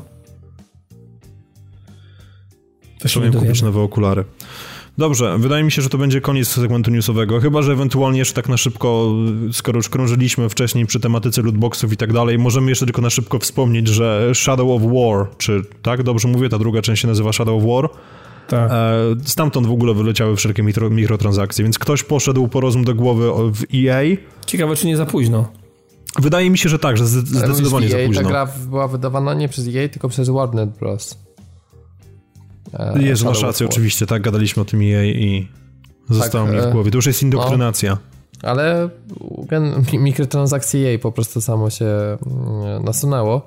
No ale chyba będzie wreszcie jakby sens wrócić, tak, do, do tej gry, no bo... No tak, stanie się grywalna. Nemesis mocno dostawał po dupie ze względu na mikrotransakcje. No tylko tak ciekawe, czy faktycznie tak się wydaje, tak, tak, tak się stanie, Robert, bo yy, tak samo jak ludzie nie wrócili do drugiego Battlefronta, tak nie wiadomo, czy to, to, to samo zadziała w ten sam sposób, no. No ciężko jest uratować takiego, które... Ciężko, no, ciężko, jest, ciężko. Powiem szczerze, że chciałem to jest taka mocna skaza spróbować na, na... tego Battlefronta w tym odświeżonym systemie, ale jakoś po prostu no, no nie odpaliłem. Ja odpaliłem, ale to jest jakby... Masz taki cały czas, wiesz, taki, jak ja to mówię, taki posmak moczu w ustach masz cały czas. Nie wiem, nie piłem, nie wypowiem się. Jeżeli chodzi o, o, o, Shadow of War, to grałem tylko i wyłącznie przez moment na WGW, na dywkitach Xboxów One X, więc trudno jest mi się wypowiedzieć, ale cieszę się, że te mikrotransakcje wyleciały, bo może po prostu twórcy pójdą po rozum do głowy i rzeczywiście teraz będzie ich coraz mniej. Chociaż z drugiej strony, patrząc na to, co się dzieje w różnych free-to-playkach, no to nie oszukujmy się, że, że raczej nic na to nie wskazuje. I to są jakieś pojedyncze przypadki, kiedy po prostu próbujemy reanimować trupa, bo no, ty, ty, ty, Robert, czy ja, może i chętnie teraz sięgniemy po Shadow of War, ale wydaje mi się, że 95% osób, które było zainteresowanych potencjalnie, a które odtrąciły to przez, mikro, przez mikrotransakcje, to do nich nawet ta informacja pewnie nie dotrze. No jest, ciekawe, jest czy oni, oni, by chcieli pewnie mieć dwie pieczenie na jednym ogniu, czyli najpierw zebrać porządnie kasę od tych wszystkich e, powaleńców, którzy ładują tam grube miliony, a potem stwierdzić, że dla tych wszystkich, no to teraz otwieramy wrota dla cebulaków, którzy nie chcą płacić i proszę bardzo, nie ma mikrotransakcji, ale wątpię, żeby to, ten system jakby branży się utrwalił i, utrwalił i miał szansę po prostu przetrwać i być stosowany nagminnie. Wydaje mi się, że nie ma szans. Też mam takie wrażenie, może, może jeszcze z dwie, trzy gry pociągną taki model i wiesz, i, i zobaczymy jaki to jest ogromny piach i, tam, i jakby ta procedura się um, po prostu wysypie i, i nie będzie już nigdzie funkcjonować. Co zresztą mi dobrze. No dobra, to jeżeli chodzi o rzeczy dobre lub złe, to teraz wy mi powiecie, co, co, co sądzicie o A Way Out, ponieważ graliście obydwaj. I skończyliśmy. Tak, przeżyliśmy. Tak, graliśmy to już w ogóle fantastycznie. Graliśmy na dwóch różnych platformach, dwa mhm. różne style rozgrywki, czyli Dawid na kanapie, a ja grałem przez tego online'owego koopa na PlayStation 4 Pro. Tak, i, i powiem ci I jak szczerze... wrażenia? Znaczy, no nie wiem, jeźdź Robert, zacznij ty. Moje wrażenia zajebiste. Naprawdę mega oczeki... mega czekałem na Ale ten to już nic Nie więcej wiem- nie musisz mówić, to powiedziałeś takim tonem stary, że możemy podcast skończyć. Pamiętacie, jak w ogóle została ta gra e, pokazana? Jak wam mówiłem, że się tym mega jaram i w ogóle biorę... Pamiętam, ja pamiętam ten moment, pamiętam ten moment, tak. No i jakby dlatego dla mnie ta gra nie jest, jak wszyscy mówią, że to jest niespodzianka. Ja jakby od samego początku, jak to zobaczyłem, po, poczułem, po, zobaczyłem jakie to jest studio, zobaczyłem jaki mają na to pomysł i pomyślałem sobie, to będzie świetne. I gra absolutnie te wszystkie moje oczekiwania udźwignęła, bo ja jestem osobiście zmęczony trochę raz tymi grami wszystkimi sieciowymi, a dwa, jeżeli jest gra single player, to musi to być wyrąbane open world, nie wiadomo na ile godzin. I trzy, od czasu, wiesz, Gearsów czwartych nie grałem chyba w żadną grę, która fajnie by na koopa była nastawiona. A te Gearsy, jak pamiętasz Piotrek, które razem przeszliśmy, one nie były jakieś wybitne, wyznaczające standard, to raczej było to, co już znamy z poprzednich części. Albo z gier mobilnych jak Level z motocyklami, których nie zapomnę do końca życia. Tak. Ja bardzo długo żywię urazę twórcy gier. Pamiętajcie, nie, nie słuchacie tego i tak, ale mniejsza. No i, i dla mnie to był dobry koop od czasu koopa w Splinter Cell Conviction, chyba tam był bardzo dobry koop, pamiętam. Yy, I to takie najfajniejsze doświadczenie koopowe tego czasu. Pamiętam jeszcze była taka seria Army of Two, którą jej wydawała, która też mocno nastawiała na kooperację, więc tu naprawdę udało się trafić w niszę. I to, co mnie absolutnie zdumiewa, i myślę, że się Dawid tutaj zgodzi, że to jest gra indie, która jakby swoim nakładami produkcyjnymi, to co udało się osiągnąć, jakby absolutnie jest w stanie. W sensie były momenty, które mi przypominały Uncharted na przykład, tak swoim rozmachem. no i to tym, wiadomo, na wiadomo, wiadomo, wiadomo. Więc to jest moim zdaniem cholerny komplement właśnie dla, dla twórców, e, co by nie było, niezależnych z mniejszym budżetem. Znaczy to się z tą zgodzę, szczególnie moment, kiedy trafiamy do lasu. Na Tak, przykład, tak. chociażby, tak? No tak, no Ewidentnie- takie rzeczy typu jakieś właśnie nie spoilując za bardzo. Oczywiście w ogóle, jeżeli ktoś ma mega spoilerofobię, no to zdarzą się jakieś tam nawiązania, co się tam w grze dzieje, natomiast oczywiście nie będziemy zdradzać fabuły czy, czy końcowego Jasne, etapu, jasne. więc tu jesteście Jasne. bezpieczni. Więc jeżeli są jakieś pościgi w, w lesie na przykład, tak, czy tam połączone z sekcjami strzelanymi, no to to mi właśnie przypominało mocno I powiem ci, że E, bardzo. Miałem dokładnie to samo. Były takie momenty, że i, i nawet sceneria, i kolorystyka, i dobór w ogóle miejsca, w którym to się dzieje, i, i przedstawienie tego miejsca, i pewne, pra, pewne, pewne najazdy kamery, i praca tej kamery, e, no idealnie pokazywało, że jednak przyglądali się pewnym produkcjom, które są nam już znane po prostu, nie? Tak, i przede wszystkim to, co mnie uderzyło, bo ja spodziewałem się, że jakby będzie pewna e, konsekwencja tego, że ta gra wi- wizualnie wygląda atrakcyjnie. Jakby spodziewałem się, że będzie stworzona niewielka ilość asetów i na przykład większość akcji będzie faktycznie tylko w więzieniu. A okazuje się, że twórcy zrobili naprawdę wiele bardzo różnych od siebie miejscówek i to często ambitnych. Rozumiem, w sensie czasami dzieje się coś, co z punktu widzenia fabuły na przykład nie jest jakieś niesamowicie ważne, a okazuje się, że gra nas do pewnego miasta przenosi i tam naokoło tego miasta są normalnie zrobione budynki, ulice, są samochody, Tak, tak. więc jakby to pokazuje taki niesamowity stopień ambicji, że wiesz, oni mogli to zrobić na jakiejś odludnej e, mieścinie, gdzie jest po Takiej prostu surowej, gdzieś tam jasne, jasne, wiem, o co dwa kilometry dalej Mhm. jest jakaś zapadła, mm, e, załóżmy, wiesz, pustynia, jeden dom, no taki amerykański Tak, tak, interior. tak, tak. I jakby też to by się trzymało klimatu, a, im się chciało po prostu. Tak samo jak jest las, no to tam jest nawalone tych drzew. Jeżeli jest jakaś inna miejscówka, nie wiem, nawet samo to, to więzienie, ono naprawdę jest e, pieczołowicie wykonane i jakby miałem cały czas wrażenie, że gra stara się pokazywać mi nowe miejscówki z nowymi asetami właśnie, więc to w, w ogóle ja mam wrażenie, że oni zrobili więcej asetów w tej grze niż e, twórcy Destiny w dwóch częściach. Tak, żeby To, to jest jakby- całkiem prawdopodobne, biorąc pod uwagę, jak bezczelny jest recykling asetów z jedynki i w dwójce, więc... Tak, no. Więc to jest takie dokładne przeciwieństwie te, tego, co mamy w Destiny. Tu zamiast e, ekologii mamy po prostu faktycznie ambicje i chęć Przepalanie jakby- hajsu na prąd. Ale powiedz mi, Robert, jak odpaliłeś grę, mm, miałeś jakieś oczekiwania? Spodziewałeś się czegoś? I, i Tak, miałem tak? wysokie oczekiwania. W sensie miałem oczekiwania takie, że po pierwsze, że gra będzie miała sporo takich elementów akcji wyreżyserowanych, które będą dobre. Miałem oczekiwania też takie, że faktycznie ten koop to nie będzie tylko zagrywka marketingowa, tylko że będą mechaniki, które w fajny ten sposób koopa wykorzystują. I te obie te rzeczy w sumie w grze znalazłem. A ty miałeś w ogóle jakieś takie, czy tak e, raczej Nie, no generalnie sporo rzeczy mnie zaskakiwało i w kwestii tego, jak jest e, spajana mm, dwójka grających. To było, to było mega, momentami to było mega zaskoczenie. A Największym zupełnie... zaskoczeniem dla mnie to było to, że jak odpaliłem grę w online'owym koopie, to pierwszy raz w życiu bodajże miałem sytuację taką, że dalej był split screen. A, no widzisz, no to też jest jakby...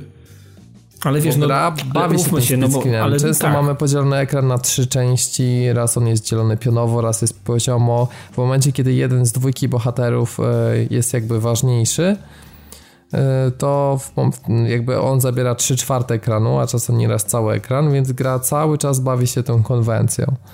Tak, to fakt. Natomiast y, to, to, to, znaczy to wynika chyba też z tego, co faktycznie się dzieje na ekranie, bo czasami, tak jak mówisz, któryś z, y, któryś z tych bohaterów jest ważniejszy i zauważyłem jedną fajną rzecz i pewnie też miałeś, yy, też na to zwróciłeś uwagę, że w momencie, kiedy któraś z postaci robi coś bardzo istotnego i będzie pchała ten, ten E, ten wątek jako, jako główna, a druga może mimo wszystko gdzieś tam chodzić, funkcjonować, to też automatycznie poziom audio jest też wyciszony. Tam, się, tam po prostu się nie dzieje jak i one te gry, znaczy te dwie nie jakby, ma kakofonii. Nie, ma, nie nakładają się na siebie i to jest tak, że tak. Nie, nie przebija się. Jest istotny jakiś element, nie wiem, jakaś rozmowa z kimś, a drugi gracz może w tym czasie pochodzić, nie wiem, porobić jakieś inne rzeczy. One też z jakiegoś punktu mogą być istotne, czy to dla dla dowiedzenia się trochę więcej o, o otaczającym terenie, czy, czy, czy, czy, czy tego, co się dzieje z, z jakimiś NPC-ami, z którymi gdzieś tam się spotykamy, a jest ich sporo, no to, no to to jest bardzo fajnie gdzieś tam wytłumione, gdzieś zrzucone na przykład w lewy dolny róg z mniejszym, z mniejszym ekranem i jest jak, tak, tak patchworkowo to zawsze za każdym razem wyglądało, więc no to się prezentowało naprawdę fajnie i bardzo fajnie jest myślę, że w online mm, tego się nie da odczuć jak e, w takim lokalnym kopie, jak możesz obserwować drugą osobę, która bierze udział w, z tobą w zabawie i, mm, i, i, jak to, jak, jak podchodzi, jak ma też inne podejście do bohatera, którym steruje przez całą grę. I, i... Tak, bo mamy dwóch bohaterów, tak. którzy jakby łączy ich ucieczka z więzienia. Jeden e, to jest Leo, który jakby ma przeszłość taką Wygląda jak Sean Penn, nie? Kurde. Gangsterską, tak, ma e, te PKS-y, ma też nos, który jest po prostu niesamowicie długi i jest generalnie niezbyt rozgarnięty i tak wkłada wysiłek w wiele takich rzeczy, typu tak, wiesz, patrzy, słuchaj, widzę, tu jest szyb wentylacyjny, ty słuchaj, ty może się tutaj, w... mam zajebisty plan, słuchaj, wiesz, tak, to się tak. tutaj wespniemy, tam to otworzymy i tym szybem wentylacyjnym przejdziemy do następnego pokoju. Co ty na to, słuchaj, nie? Fajnie, ty, nie? Nie, no takie, no. wiesz, pomysły z czapy czasami, nie? A drugi Vincent, Vincent z kolei jest, e, ma taką przeszłość bardziej, że jest e, tam e, bodajże to była kwestia a, ekonomista, tam wrobiony w jakąś tak, sprawę, tak, że tam bra, brat, coś tam i tak dalej. I generalnie jest bardzo inteligentny, taki bardziej zimny, bardziej kalkulujący i tak zajebiście kontrastuje, jakby oni tworzą taką wybuchową mieszankę po prostu. Każdy z nich ma swoje jakby inne słabe strony i mocne strony i jakby to właśnie łączy, kiedy gracze potrzebują sobie wzajemnie pomóc. To fakt. I ja, ja zastanawiałem się nad jedną jeszcze rzeczą, że e, w grze wielokrotnie mamy do czynienia, może wielokrotnie to przesadziłem, ale kilka razy w, w, w ciągu całej rozgrywki jest tak, że można obrać którąś ze ścieżek. To też jest bardzo fajne. Jestem ciekawy, pewnie będę musiał rozegrać jeszcze raz, e, jeszcze raz grę, żeby poznać te jakby inne wątki, której można pewnie ten, e, tą przygodę tak. popchać, ale... Być może tak. Wiem, że są dwa zakończenia, które jakby wynikają z e, faktycznie samej końcówki, więc to jest tak, no że tak, wiadomo, inny no. jest przebieg misji, natomiast to nie jest tak, że wybory po drodze ci sprowadzą na inne zakończenie. Po prostu nie, dana nie, nie. scena będzie trochę inaczej rozegrana. Coś bardziej jak w Heavy Rainie powiedzmy, nie? Dokładnie, dokładnie. Także to, to fakt. No znaczy... i tych mechanik takich wspólnego działania było, było sporo. Mi się na przykład podobała ta akcja, kiedy trzeba było się wspinać będąc plecami do siebie opartymi. Tak, to, to w ogóle wiesz, mega zajebista dwóch scena. graczy musi, jest takie wahadło, które jakby na, pokazuje, kiedy musimy wciskać kwadrat w idealnym punkcie i dwaj gracze muszą to synchronizować, bo inaczej mogą spaść, jeżeli nie będą tego robić Czy znaczy, powiem ci, ja, ja, ja to rozegrałem inaczej, ja to po prostu robiłem na zmianę, tak? Widziałem, że jednym dwa do, do, do, góry, drugim dwa do góry, także po prostu robi, robiliśmy A myśmy to, zrobili mimo, że online, to po dwóch, trzech razach nam się znudziło i zaczęliśmy robić to e, Razem? synchronicznie i, i się udało. Tak? A, okay. Ale na samym początku nie, tylko dopiero no, tam po chwili, jak żeśmy po prostu się przyzwyczaili do, do mechaniki. Tak, tak, ale no to, to, to, to, to, to było fajne. Kolejna to... sprawa, która mnie mega zasko to zaskoczyła, to jest ilość minigierek, jakie się znajdowały w tej grze. Bo jest dużo takich momentów, kiedy nie, nie ma za dużo akcji, tylko trafiamy na lokację i możemy trochę sobie tam poszperać i różne rzeczy poznajdywać. No i Mamy różne gry typu na przykład jakieś tam baseball, który oczywiście grałem. baseball czy jakieś rzutki. E, co tam jeszcze było? Była to taka gra, że trzeba cztery w rządku ustawić, takie wrzucane jakby kulki, to w dzieciństwie się grało takie, to się nazywa coś A to powiem ci, to tego, na, na, to nie, na to nie trafiłem. Trafiłem na rzutki, trafiłem na baseball, trafiłem na podkowy.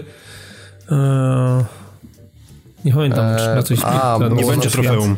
Balansowanie na wózkach inwalidzkich. A, no to przykład. było zajebiste. To w ogóle był mega, kurde, lałem to z tego. nie wytrzyma i było na przykład granie na chyba o, granie na, granie na instrumentach też było. Tak, no nie będziemy wszystkich zdradzać, ale tak, to jest tak. jeszcze tego nawet więcej. Ja chyba wszystkich nie odkryłem, ja ale nie. Naprawdę, naprawdę e, ta ilość minigierek jest spora i to jest bardzo fajny przerywnik. Tym bardziej, że one jakby wszystkie też są nastawione na rywalizację albo koopa, więc. A powiedz Robert, jest... w ogóle system ciekawy, bo jak przeszedłeś, mhm. przeszedłeś grę, mm, ile udało ci się odblokować e, trofeów w grze? Odblokowałeś w ogóle cokolwiek? Tak, 47% mi pokazuje. O shit, jakby. to dużo. Ja odblokowałem tylko 3. Czyli to A, standardowe nie, no to... na początek i potem jeszcze jeszcze jakieś dwa, ale... No, ale mi się na przykład udało trochę od, odkryć na przykład taki sekret, że tam gdzieś było nawiązanie na przykład do Zeldy, był jeden taki easter egg. E, było parę takich rzeczy, że które jak się robiło wspólnie, to po jakimś czasie odpalało kascenkę. Na przykład siadło się nie do tego pojazdu, co trzeba i się okazało, że tam się coś stało, tak nie, nie, nie opowiadając za dużo. Także no, no jakby, Aha, w ten tak, sposób. No, udało mi się, ale znowuż i tak muszę pewnie teraz siąść do jakichś opisów, bo te trofea są bardzo enigmatycznie opisane, więc pewnie sobie zobaczę poradnik i resztę trofeów e, jakby dokończę, bo platyna jest e, dosyć łatwa, więc to nie jest jak w The, The Walking Dead, co też mi się podoba, że osiągnięcia w tej grze zawsze są na jakieś ukryte rzeczy, natomiast to nie jest tak, że one są e, za na przykład e, zrobienie czegoś na czas, czy jakieś takie mocno zręcznościowe, dlatego że jakby czasami mechanika tej gry jakby zdradza pewne ułomności budżetowe i uważam, że Dobrze, że nie ma takich mechanik, bo wiecie, ani mechanika biegu to nie jest najbardziej dopracowana na świecie, ani mechanika strzelania. No to nie, one, one są, one, ale też nie przeszkadzają, wiesz co, nie, nie da się generalnie one są po prostu to. zrobione okej, okay, tak, po prostu po, bez szału, w, ale tak, w miarę poprawnie, no. Nie, nie frustrują. Znaczy jakbym miał ze wszystkich powiedzieć, to mm, to chyba jednak to strzelanie jakby i ta Najsłabsze, no.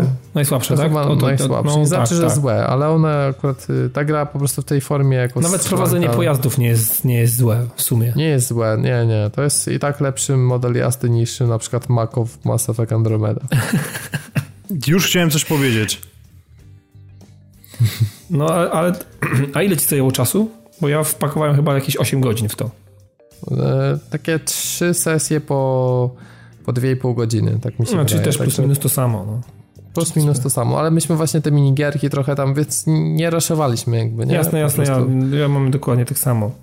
Wiadomo, jakby, więc... no, tym bardziej, że te lokacje były ładne, ta gra jest naprawdę ładna i jakby mówię, moim zdaniem jakby sprzedawali za, nie wiem, 150 zł, to też by było Spokojnie, warte, warte.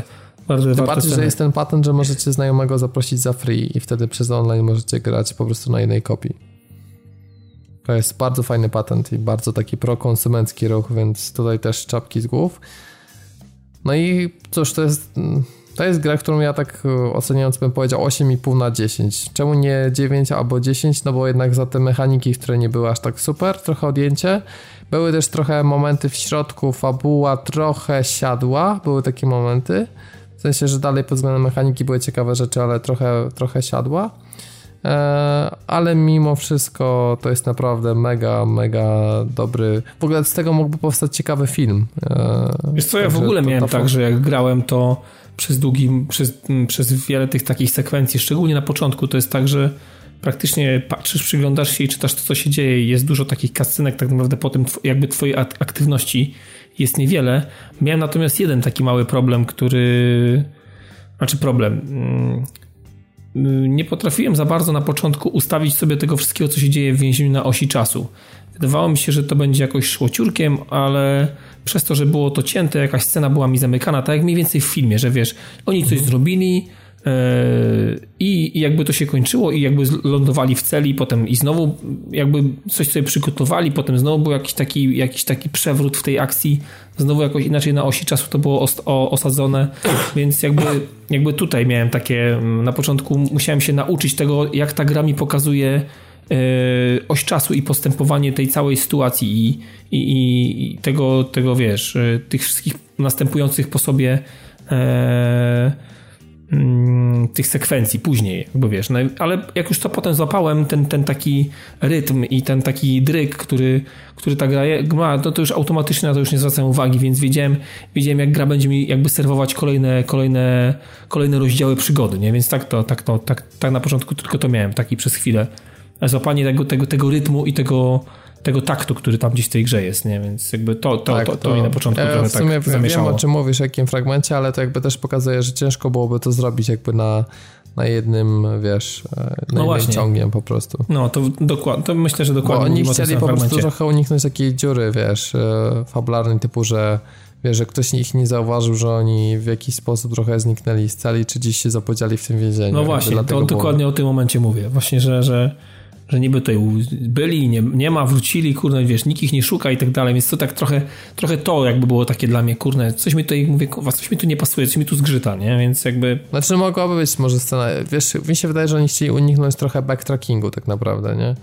Bo to byłby tam sceny, gdzie, gdzie, gdzie potem tam, gdzie się wspinałeś, musiałeś wiesz, No tak, z powrotem. Wiem, z powrotem. Mhm. Wydaje, wydaje, mi się, że to mogło o to chodzić, że po prostu... Ale mogła być zawsze cutscenka jakby, która... Mogła, chociaż, mógł wiesz... być jakiś taki wypełniacz, taki łącznik, który pokazywałby coś, tak, za daną sytuację. Słuchaj, byli, poszli i potem spokojnie wrócili bezpiecznie, nikt tego na przykład nie widział, nie, bo coś tam, nie, albo... Trochę mam też zarzut do mechaniki skradania. W sensie ona jest tak zrobiona trochę randomowo i czasami miałem wrażenie, że jakby oni powinni mnie widzieć, a i nie widzieli, a czasami nie powinni widzieć, a widzieli.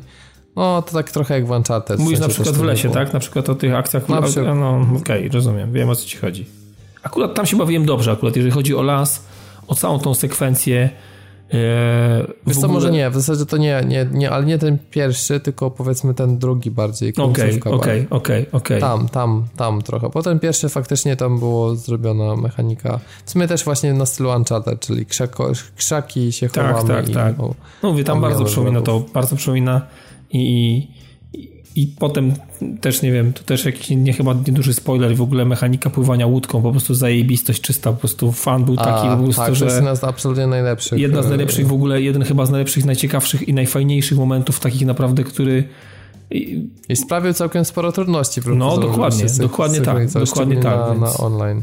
Więc to, to, to było dobre, wiesz. No, Chodzi o to, żeby synchronizować wysłowanie, tak? Tak, tak. To było naprawdę bardzo fajne i, i i było, było naprawdę to, to było ciekawe doznanie i to mi zasiadło mocno w głowę, więc no, no było, było sporo takich, takich scen. Ja na, wiesz co, przez, przez, chyba przez całą grę nie miałem takiego momentu, który gdzieś by mnie wynudził, albo był taki nie. jakiś trochę miałki czy coś, albo taki w ogóle taki, taki zwaty, nie? że coś tak na siłę zapakowane i tak dalej, więc no... Mi się bardzo też podobały takie fragmenty, które mi przypominały filmy z serii o Jasonie Bornie, czyli walka wręcz z wykorzystaniem elementów otoczenia, jakieś tak, papelnie, tak, lampy tak, i tak dalej, tak. to, to, było to naprawdę super robiło robotę.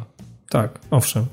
Znaczy ja generalnie powiem Ci tak, ja mam grę w pudełku, e, nie zamierzam jej sprzedawać, zamierzam sobie zrobić wszystko, co jest możliwe do zrobienia w, ty, w tym tytule i dopiero wtedy ją popchnę, więc e, generalnie nie pozbywam się o przejściu jakby jednym przejściu, bo, bo wiem, że tam jeszcze sporo, sporo rzeczy na mnie czeka, tak jak przypadkiem trafiłem, pewnie wiesz o czym będę mówił, o pewnej przyczepie na, taki, na taki, w takich slumsach, nie wiem czy przychodziłeś do takiej pewnej przyczepy. Tak, tak. No właśnie. Więc to też Wiem, co się wydarzyło. sporo, tak. sporo, zajebistych rzeczy, takich naprawdę pół, niby poukrywanych, ale one, jak troszeczkę poświęcimy więcej czasu danej lokalizacji, to jesteśmy traf, w stanie trafić naprawdę na dużo, dużo fajnych, ciekawych, śmiesznych, śmiesznych rzeczy, więc no... Nie no, A jeszcze wracając do bohaterów, oni są bohaterami z krwi i kości, mają swój charakter, e, Tak, tak, mają, tak. Są, jest świetny voice acting, uważam, naprawdę fajnie zrobiony i bardzo dużo dodają tej grze. To są właśnie postacie, jakich potrzebują gry wideo. Ja myślę, że ich się zapamięta na długo, co jest też ciekawe, bo zazwyczaj bohaterowie gier indie raczej są mm, rzad, rzadko się ich pamięta. Raczej zazwyczaj twórcy gier, gier indie stawiają na jakieś bardziej doświadczenie, że no nie wiem, tak jak miałeś, nie wiem, typu grę What Remains of Edith Finch, to jakby tak pamiętasz tak, tą wiadomo. rodzinę, a nie aż tak bardzo tą bohaterkę, bo to bardziej Zgadza było o się. nich. A tutaj właśnie to było wszystko wokół tych bohaterów, więc, e, więc to jest też pewne takie podejście właśnie kolejne bardziej pokazujące gry AAA, a nie indie. Oni mentalnie wyszli z indie. To nie jest gra, która jest indie jakby w mindsetie, ale, ale oni zrobili to po prostu jakby świadomie i wybrnęli z tego absolutnie, więc e, wyszli z tego z tarczą, a nie na tarczy i brawo Znaczy, za no, ja ryzyko, generalnie myślę, jestem- że dla nich to było ryzyko. Po Ja prostu. jestem zachwycony. No myślę, że tak, tak, na pewno ryzyko. Na pewno ryzyko. Ale osobiście jestem zachwycony i, i absolutnie nie żałuję ani jednej chwili spędzonej z tym tytułem. Po prostu Tak powiem ci, sporo rzeczy mnie zaskoczyło w tej grze. Od, Tak. od samej akcji, od prowadzenia akcji, od fabuły, która naprawdę jest zajebista według mnie i to jest naprawdę dobre i to się fajnie, fajnie się na to patrzy, fajnie się to po prostu przeżywa, to jest naprawdę super i, i, i przez to, że nie jest monotonna, że jednak y, jakby jest to w kilku takich różnych częściach po, pokazane, no naprawdę i to, jak oni ze sobą e, się jakby zż- zżywają i, te, i, ta, i ta, ta relacja między nimi też, ona się na początku jest taka sucha, nijaka, ale to potem wszystko zaczyna się tak się zacieśniać bardzo mocno i, i, i no tak naprawdę nie ma, nie ma nawet, nawet te dialogi są super zajebiście napisane, nie? Po prostu to się naprawdę fajnie, momentami miałem, miałem takie wrażenie, że oglądam jakiś, jakiś serial na Netflixie, więc to jest takie no fajne doświadczenie generalnie. Jest naprawdę super rzecz dla mnie, no. Tak, także grać naprawdę y, nie żałować tej stówy. I łykać teraz, nawet dokładnie, szczególnie, że tak jak Dokładnie, nie powiedziałeś. czekać na promocję, aż będzie w plusie. Naprawdę, warto zrobić teraz, wesprzeć twórców, bo jak wesprzemy, może zrobią jeszcze coś lepszego. Przypominam, że to jest gra od twórców Brothers A Tale of Two Sons, więc jakby... Która też zresztą była fajna, która też miała zajebistą tak. mechanikę. Sterowałeś dwoma gałkami, wiesz, dwoma postaciami naraz, no, więc to też było naprawdę niezłe. Tak, zdecydowanie, więc gratulacje po prostu. Gratulacje, to naprawdę, naprawdę dobry tytuł i myślę, że moc, mocna, mocna, moc, mocna giera w tym roku. No ja wam jeszcze opowiem trochę i mam nadzieję, że Piotrek też się włączy, chociaż jego percepcja tego tytułu jest e, powiedzmy mocno okrojona do jednego toru. Ja nie mam żadnego pojęcia, o czym mówisz. Ja za to mam doskonałe pojęcie, o czym mówię. E, W ogóle chwileczkę, ale- co za płynne przejście ty mi tutaj na partyzance uskuteczniasz? No, No, takie przyzwyczajenie, nie wiem, wiesz. Zastanawiam się, tak już przyzwyczajenie, postanowiłem się wciąć i płynnie przejść e, do GT Sport. Bo tak się składa, że skończyłem karierę, powiedzmy, widziałem napisy końcowe w GT Sport. Przepraszam, mów dalej. No tak, to jest, to jest śmieszne, ale przede wszystkim ten tytuł się mocno zmienia. To jest trochę jak Fortnite, to znaczy za każdym razem jak odpala się po tygodniu od dwóch, to czekałby na was przy takim częstotliwości grania patch za każdym razem. Pojawiają się nowe, nowe tory nawet. Ostatnio legendarna Tsukuba pojawiła się. Myślę, że fani G, GT... Dlaczego, dlaczego się śmiejesz z Tsukuby, przepraszam? Znaczy, no śmieję się, bo to jest taki najkrótszy tor, jeden z najkrótszych w ogóle, który zawsze był, no ale... No ale on I co z tego, że jest najkrótszy? No nic, no po prostu. To jest takie przeciwieństwo Nürburgringu w sumie, nie? Ja Tsukubę bardzo lubię i bardzo lubię czytać na pewnych portalach e, relacje z time attacków, które tam się odbywają, bo to, co Japończycy tam przytaczają, wygląda jakby miało zaraz odlecieć, ale te skrzydła są po to, żeby się trzymało na ziemi. Ostatnio czytałem reportaż właśnie o jednym Mitsubishi Lancerze Evo MR, który tam... Nieważne, mów dalej. Ta gra się bardzo zmienia. E, Dostaje patche, dochodzi co dwa tygodnie, trzy, jakieś 7-8 nowych samochodów, całkowicie za free.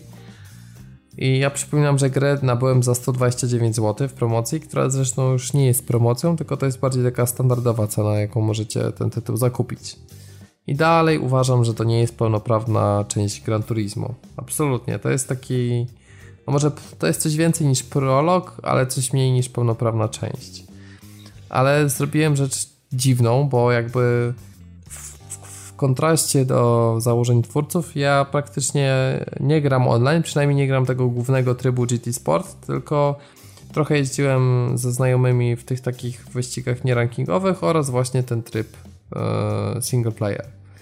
No i tryb single player to tak naprawdę nie jest tryb kariery, tylko to jest typowo e, taki tutorial, który ma, ma, ma nas przygotować do jazdy właśnie na torach w multi i zaczyna się od e, ruszania na prostej i hamowania.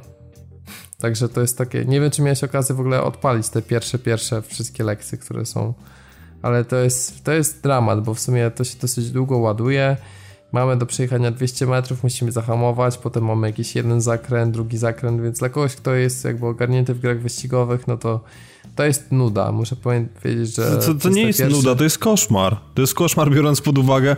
Ja nie wiem, wydaje mi się, że powinien być jakiś taki system, który by przyglądał się twojej historii trofeów, bo umówmy się, że one już są trochę na PlayStation, albo, albo nawet głupie pytanie, czy umiesz zahamować na końcu prostej? Tak albo nie?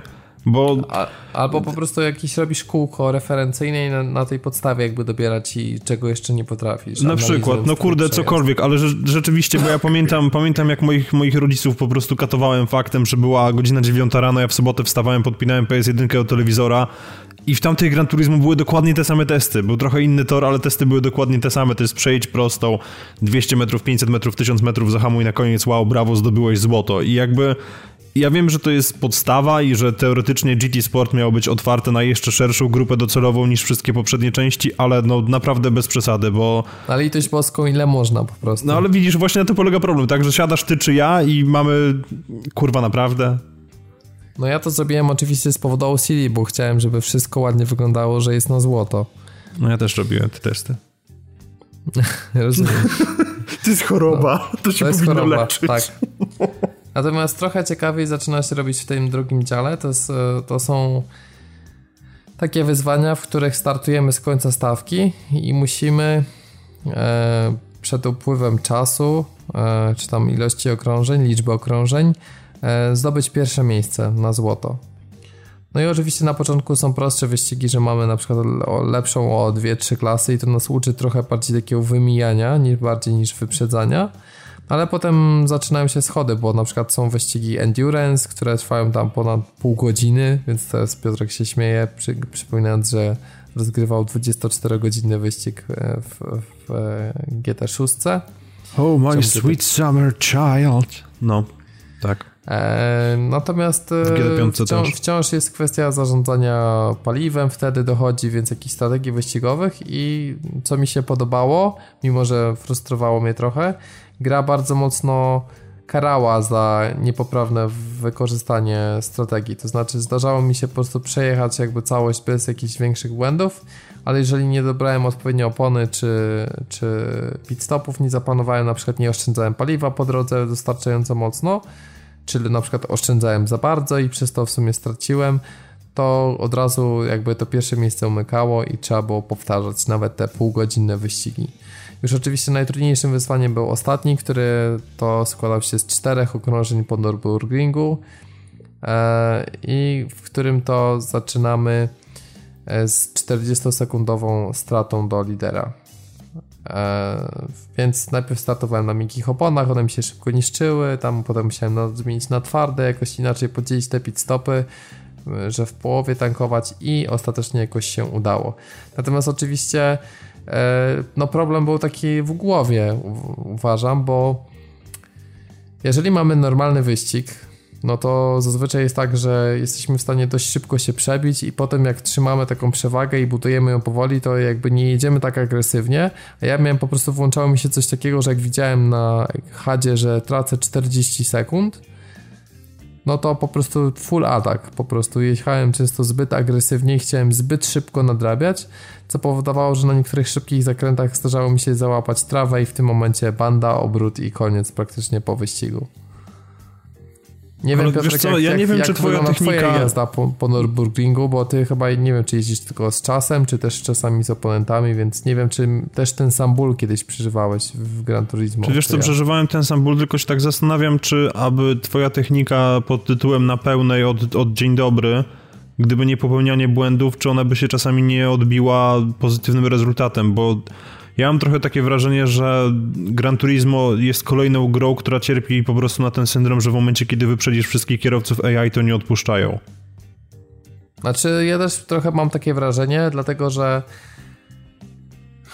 było tak, że strasznie ciężko było dogonić pierwszego, a potem zbudowałem sobie 40 czy 50 sekundową przewagę jeszcze No właśnie i tutaj, tutaj jest ten problem, tak, że po prostu gdyby tak. rzeczywiście darł i się na tyle wystarczająco, na tyle skoncentrował, to rezultat byłby taki, że mógłbyś sobie potem ich przytrzymać, czy nawet nie musiałbyś się specjalnie starać i no, to jest pewnego tak, rodzaju znaczy ja ostatecznie jakby i tak jechałem taką techniką, żeby właśnie jak najszybciej się jednak dostać do pierwszego miejsca, tylko po prostu, ponieważ moja znajomość jakby toru musiała ulec odświeżeniu, bo ostatnio tak mocno katowałem Nürburgring w Forzie czwartej, w Gran Turismo 4 wcześniej, e, więc trochę już czasu temu, ale skutecznie mnie to wszystko mi odświeżyło, więc e, i powróciło, więc teraz z zamkniętymi oczami cały cały Nordschleife jestem w stanie przejechać.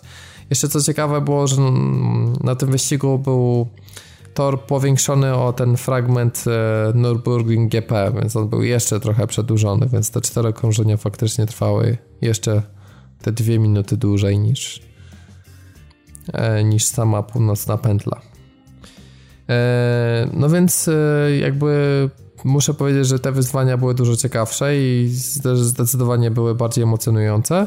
No i ostatni punkt, który uważam, że jest trochę nie po kolei, a ja oczywiście jestem takim zwyrolem, że skoro tam to było na pozycji menu 2, to najpierw trzeba zrobić wszystko złoto tam, a dopiero potem na menu 3.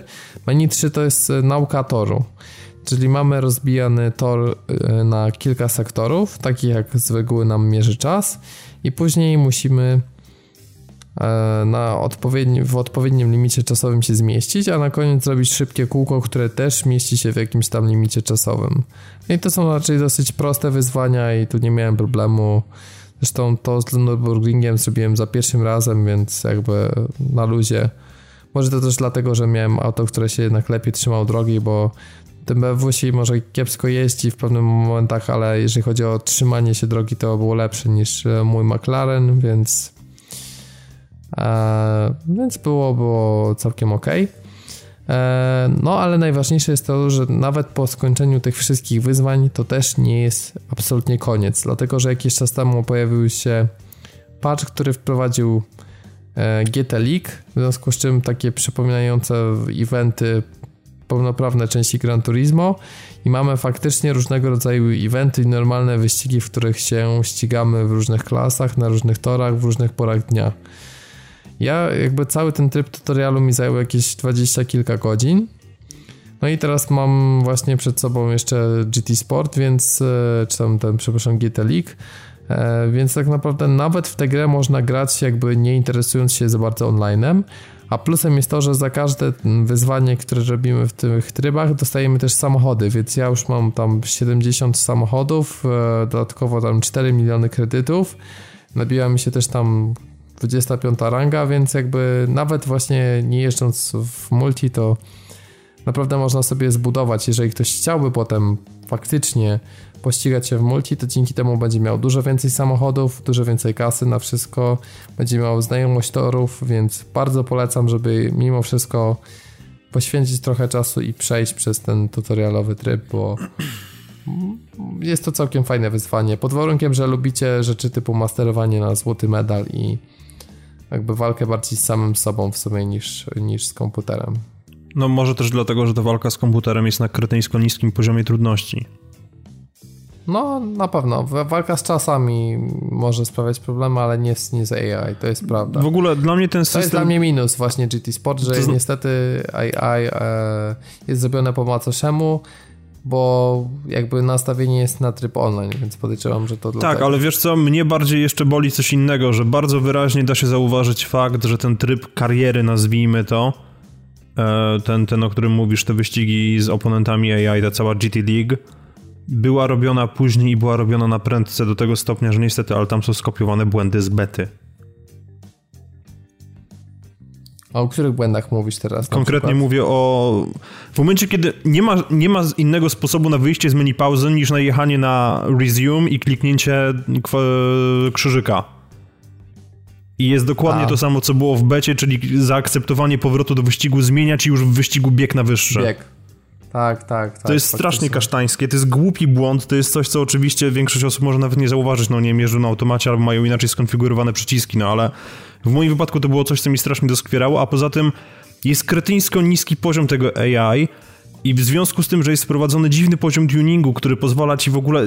Samochód jest podzielony na dwa segmenty, jakby na moc i na masę i możesz sobie wybrać trzy różne stopnie podbicia mocy albo zmniejszenia masy, i autentycznie, jeżeli nie masz ochoty się ścigać, a chcesz przejść ten wyścig, to możesz sobie to w granicach teoretycznych wymagań klasy, w której w wyścigu, w której bierzesz udział, możesz sobie podbić obydwa parametry na tyle wysoko, że będziesz, przepraszam, absolutnie bezkonkurencyjny. Tak, Więc... to, to, to, mnie, to, to mnie też dziwiło. Ja osobiście jakby w ogóle z tego nie korzystałem, żeby sobie jakby nie psuć rozgrywki. No ale jeżeli ktoś ma jakiś problem z jakimś wyścigiem, to faktycznie jest taka furtka. To jest trochę dziwne, bo Normalnie było tak, czy na przykład w Forzie, że jeżeli ulepszamy za bardzo, to nasz indeks na tyle rośnie, że przestajemy się mieścić w wymaganiach klasy i tutaj taki system też powinien być. Pamiętam w siódemce to oni w ogóle namieszali z tymi klasami, bo teraz niektóre samochody właśnie mają, mają w zasadzie swoją własną klasę i są ograniczone na przykład do 546 punktów, gdzie do tej pory było tak, że był podział po 100 po prostu była każda kolejna no klasa. No właśnie, to było jasne i czytelne. To, to, też to zmienili? Tak, zmienili to w siódemce. Niestety to jest koszmar. To jest, to jest jeden z bardziej poronionych pomysłów, jakie widziałem, no ale na to jakby nic się już nie poradzi. Bo kończysz efektywnie z sytuacją, w której jakiś samochód jest ograniczony do stanu seryjnego, czy, czy praktycznie do stanu seryjnego i nie możesz w nim nic zmienić, musisz jeździć po prostu w takim kształcie, w jakim go wytoczyłeś z salonu. Więc no... To faktycznie takie, takie dziwne. Natomiast moim zdaniem, mimo że mimo że ten tryb jakby może nie stoi na poziomie właśnie takim jak, jak Forza, to mówimy o grze, która jest za połowę ceny i, która jest w stanie być grywalna także w singlu i do której ciągle jest, jaką, jest jakaś nowa zawartość, więc ja jakby chciałem tylko po prostu podsumować, że dalej nie uważam, że to jest tryb, gra, która zasługuje na przykład na oceny typu 8, 9 na 10, absolutnie, natomiast jest tytułem, który wreszcie jest grywalnym i jeżeli bo kurczę, no ma fajny model jazdy po prostu i jakby przez to się trochę wybacza tej grze więcej i i jeżeli mielibyście ochotę się na coś pościgać, a nie macie dostępu do Forza, bo nie macie Xa, to mimo wszystko, jeżeli wy łapiecie to za niezłą cenę, to ja jestem w stanie polecić GT Sport. Z takim zastrzeżeniem, że dalej doskwiera mi na przykład oprócz tego słabego AI brak zmiennych warunków pogodowych i cyklu dnia i nocy. No to jest to było to kiedy jest... na przykład wyścig zaczyna się o zachodzie słońca na Nürburgringu i trwa właśnie te pół godziny i dokładnie w innych grach to byłaby sytuacja, w której na koniec jest po zmroku. To zmienia zupełnie dynamikę, bo nagle opony inaczej pracują, musimy inaczej się... Też właśnie jest jedna rzecz, w GD Sport można nauczyć się punktów hamowania na podstawie rozmieszczenia cieni na trasie. A bardzo to jest złudne i to jest nie, tak się nie robi w, no, ani w prawdziwym życiu, ani w innych grach, bo po jednym okrążeniu, na przykład w takim Project Cars już masz inne ułożenie cieni czy w Forzie, więc y, twój punkt hamowania może inaczej wyglądać. No, to są takie rzeczy, które mnie doskwierają nadal, że ta niebo jest um, taką statyczną teksturą, mimo że efekt HDR-u jest genialny absolutnie w GT Sport i uważam, że to jest jedna z najlepszych gier, która najefektywniej wykorzystuje ten efekt. Implementacja HDR-u, tutaj muszę się absolutnie z tobą zgodzić, jest przegenialnie zrobiona i to są najlepsze światła samochodów, jakie widziałem w grach do tej pory. Szczególnie Nawet tylne. Drive Cluba. No okej, okay. Powiedzmy, natomiast wiesz, no Drive Club jakby nie miał już tego efektu wow pod kątem HDR-u, no bo tam jednak po prostu to była gra, która jeszcze tego nie utylizowała. Natomiast tutaj rzeczywiście reflektory są zrobione przegenialnie i, i efekt rzucania samego snopu światła jest świetny. Poza tym też ciekawe jest to, że są tutaj rzeczy, których nie ma w Forzie, bo na przykład w momencie, kiedy zjedziemy na pobocze i damy po hamulcach, to partikle są podświetlane przez te światła, więc oni rzeczywiście tutaj wspięli się w jakimś sensie na wyżyny. No i z tego, co widzieliśmy też porównania, no to modele są trochę bardziej detaliczne niż te w Forzie, mimo wszystko. Natomiast no, problem pojawia się tutaj, jeżeli chodzi o front e, samej rozdzielczości, tak? No bo jednak Gran Turismo wykorzystuje checkerboarding i cholera no widać go czasami. To jest szczególnie widoczne w wypadku, kiedy jedziemy albo obok jakiejś siatki, w sensie płotu, albo na liniach wysokiego napięcia. Wiem, że to są pierdoły i to jest otoczenie toru, no ale mimo wszystko to się jednak rzuca w oczy. Więc no tutaj... Na polu rozdzielczości bezapelacyjnie Forza wygrywa. Zresztą w ogóle jako pełnoprawna gra wyścigowa, no Forza zgodzisz się, nie? Na pewno, że jest e, grą bardziej kompletną i to jest pełnoprawna część. E, zresztą chyba najbardziej Tak, ale wiesz co, też ma swoją partię kretyńskich rozwiązań, które niestety powinny zostać wyeliminowane, czy inaczej, nigdy nie powinny zostać wprowadzone. No ale to już jakby na to nie mamy w tej chwili wpływu i zobaczymy, co dalej Microsoft z tym zrobi, ponieważ ja mam niejasne przeczucie, że w kolejnej części pełnoprawnej, w sensie Forza Motorsport 8 czy jakkolwiek, że tam niestety mogą naprawdę na pełnej wjechać mikrotransakcje. Takie no, już raz naprawdę była akcja na pełnej Forzie 5 i jednak się z tego wycofali, więc... Oj, no. wiesz, ale to były jednak trochę inne czasy, bo rynek też jakby przyzwyczaił się do bicia trochę bardziej niż wtedy. Więc tego bym się bał. Natomiast wracając do samego GT Sport jeszcze na moment, to absolutnie to, co powiedziałeś, zgadzam się. To, to jest gdzieś pomiędzy prologiem a pełnoprawną wersją, ale jeżeli chcecie po prostu sobie połapać trochę czasy Śmiało, naprawdę. Jest, jest, jest fantastyczny model jazdy, który rzeczywiście daje nam poczuć różnicę pomiędzy poszczególnymi samochodami. Jest możliwość do tego, żeby posiedzieć po prostu i podokręcać te czasy, więc no.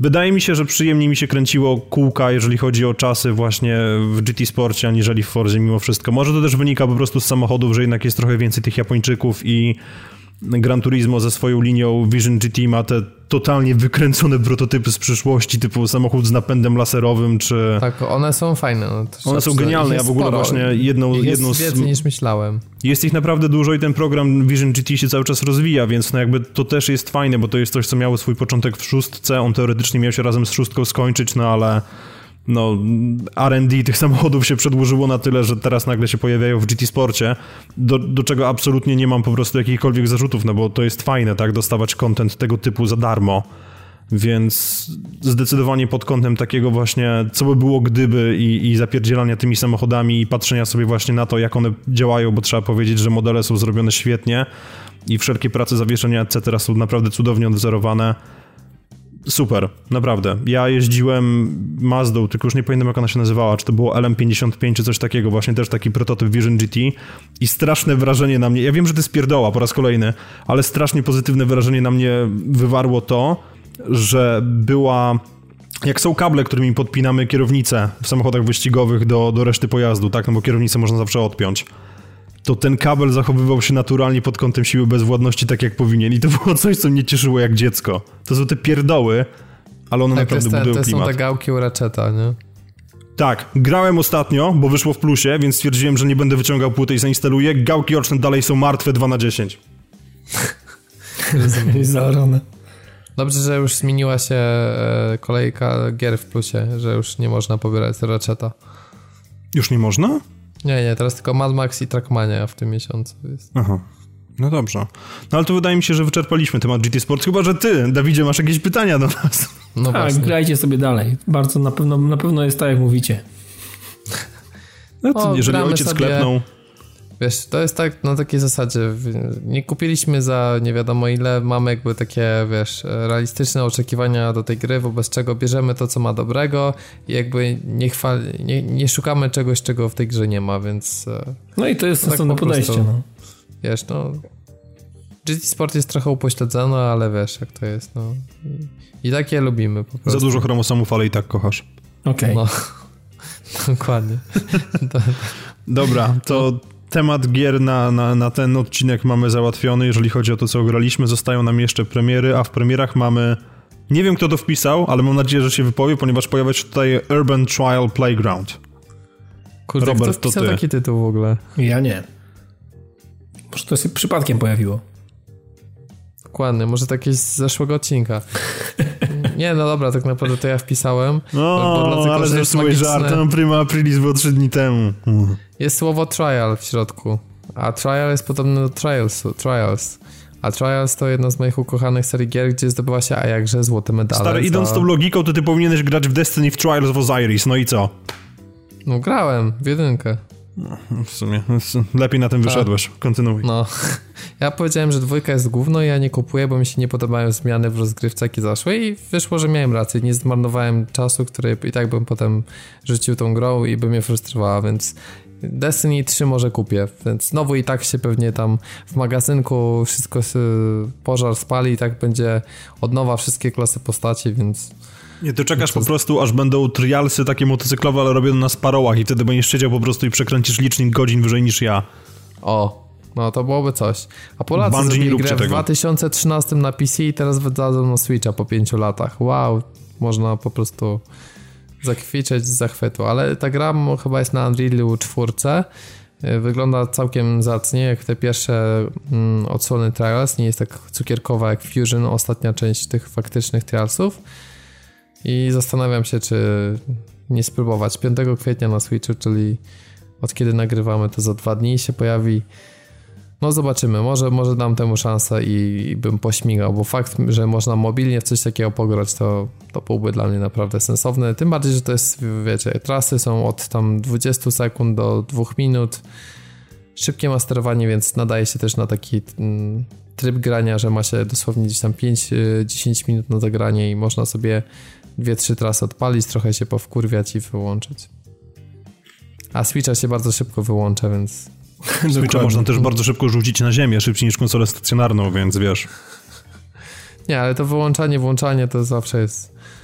Po prostu jakby interfejs Switcha zawsze mnie jakby pokazuje, że no jest w pewnym, w pewnym sensie lata świetne przed PS4 i Xboxem, czyli po prostu takiej prędkości działania i tego, że tam jest to, co potrzebujesz, a nie miliard niepotrzebnych funkcji, które tylko spowalniają i utrudniają ważne rzeczy. No to jak tam czat głosowy przez telefon? Ja nie No, grałem w to- multiplayer, więc mam to w dupie.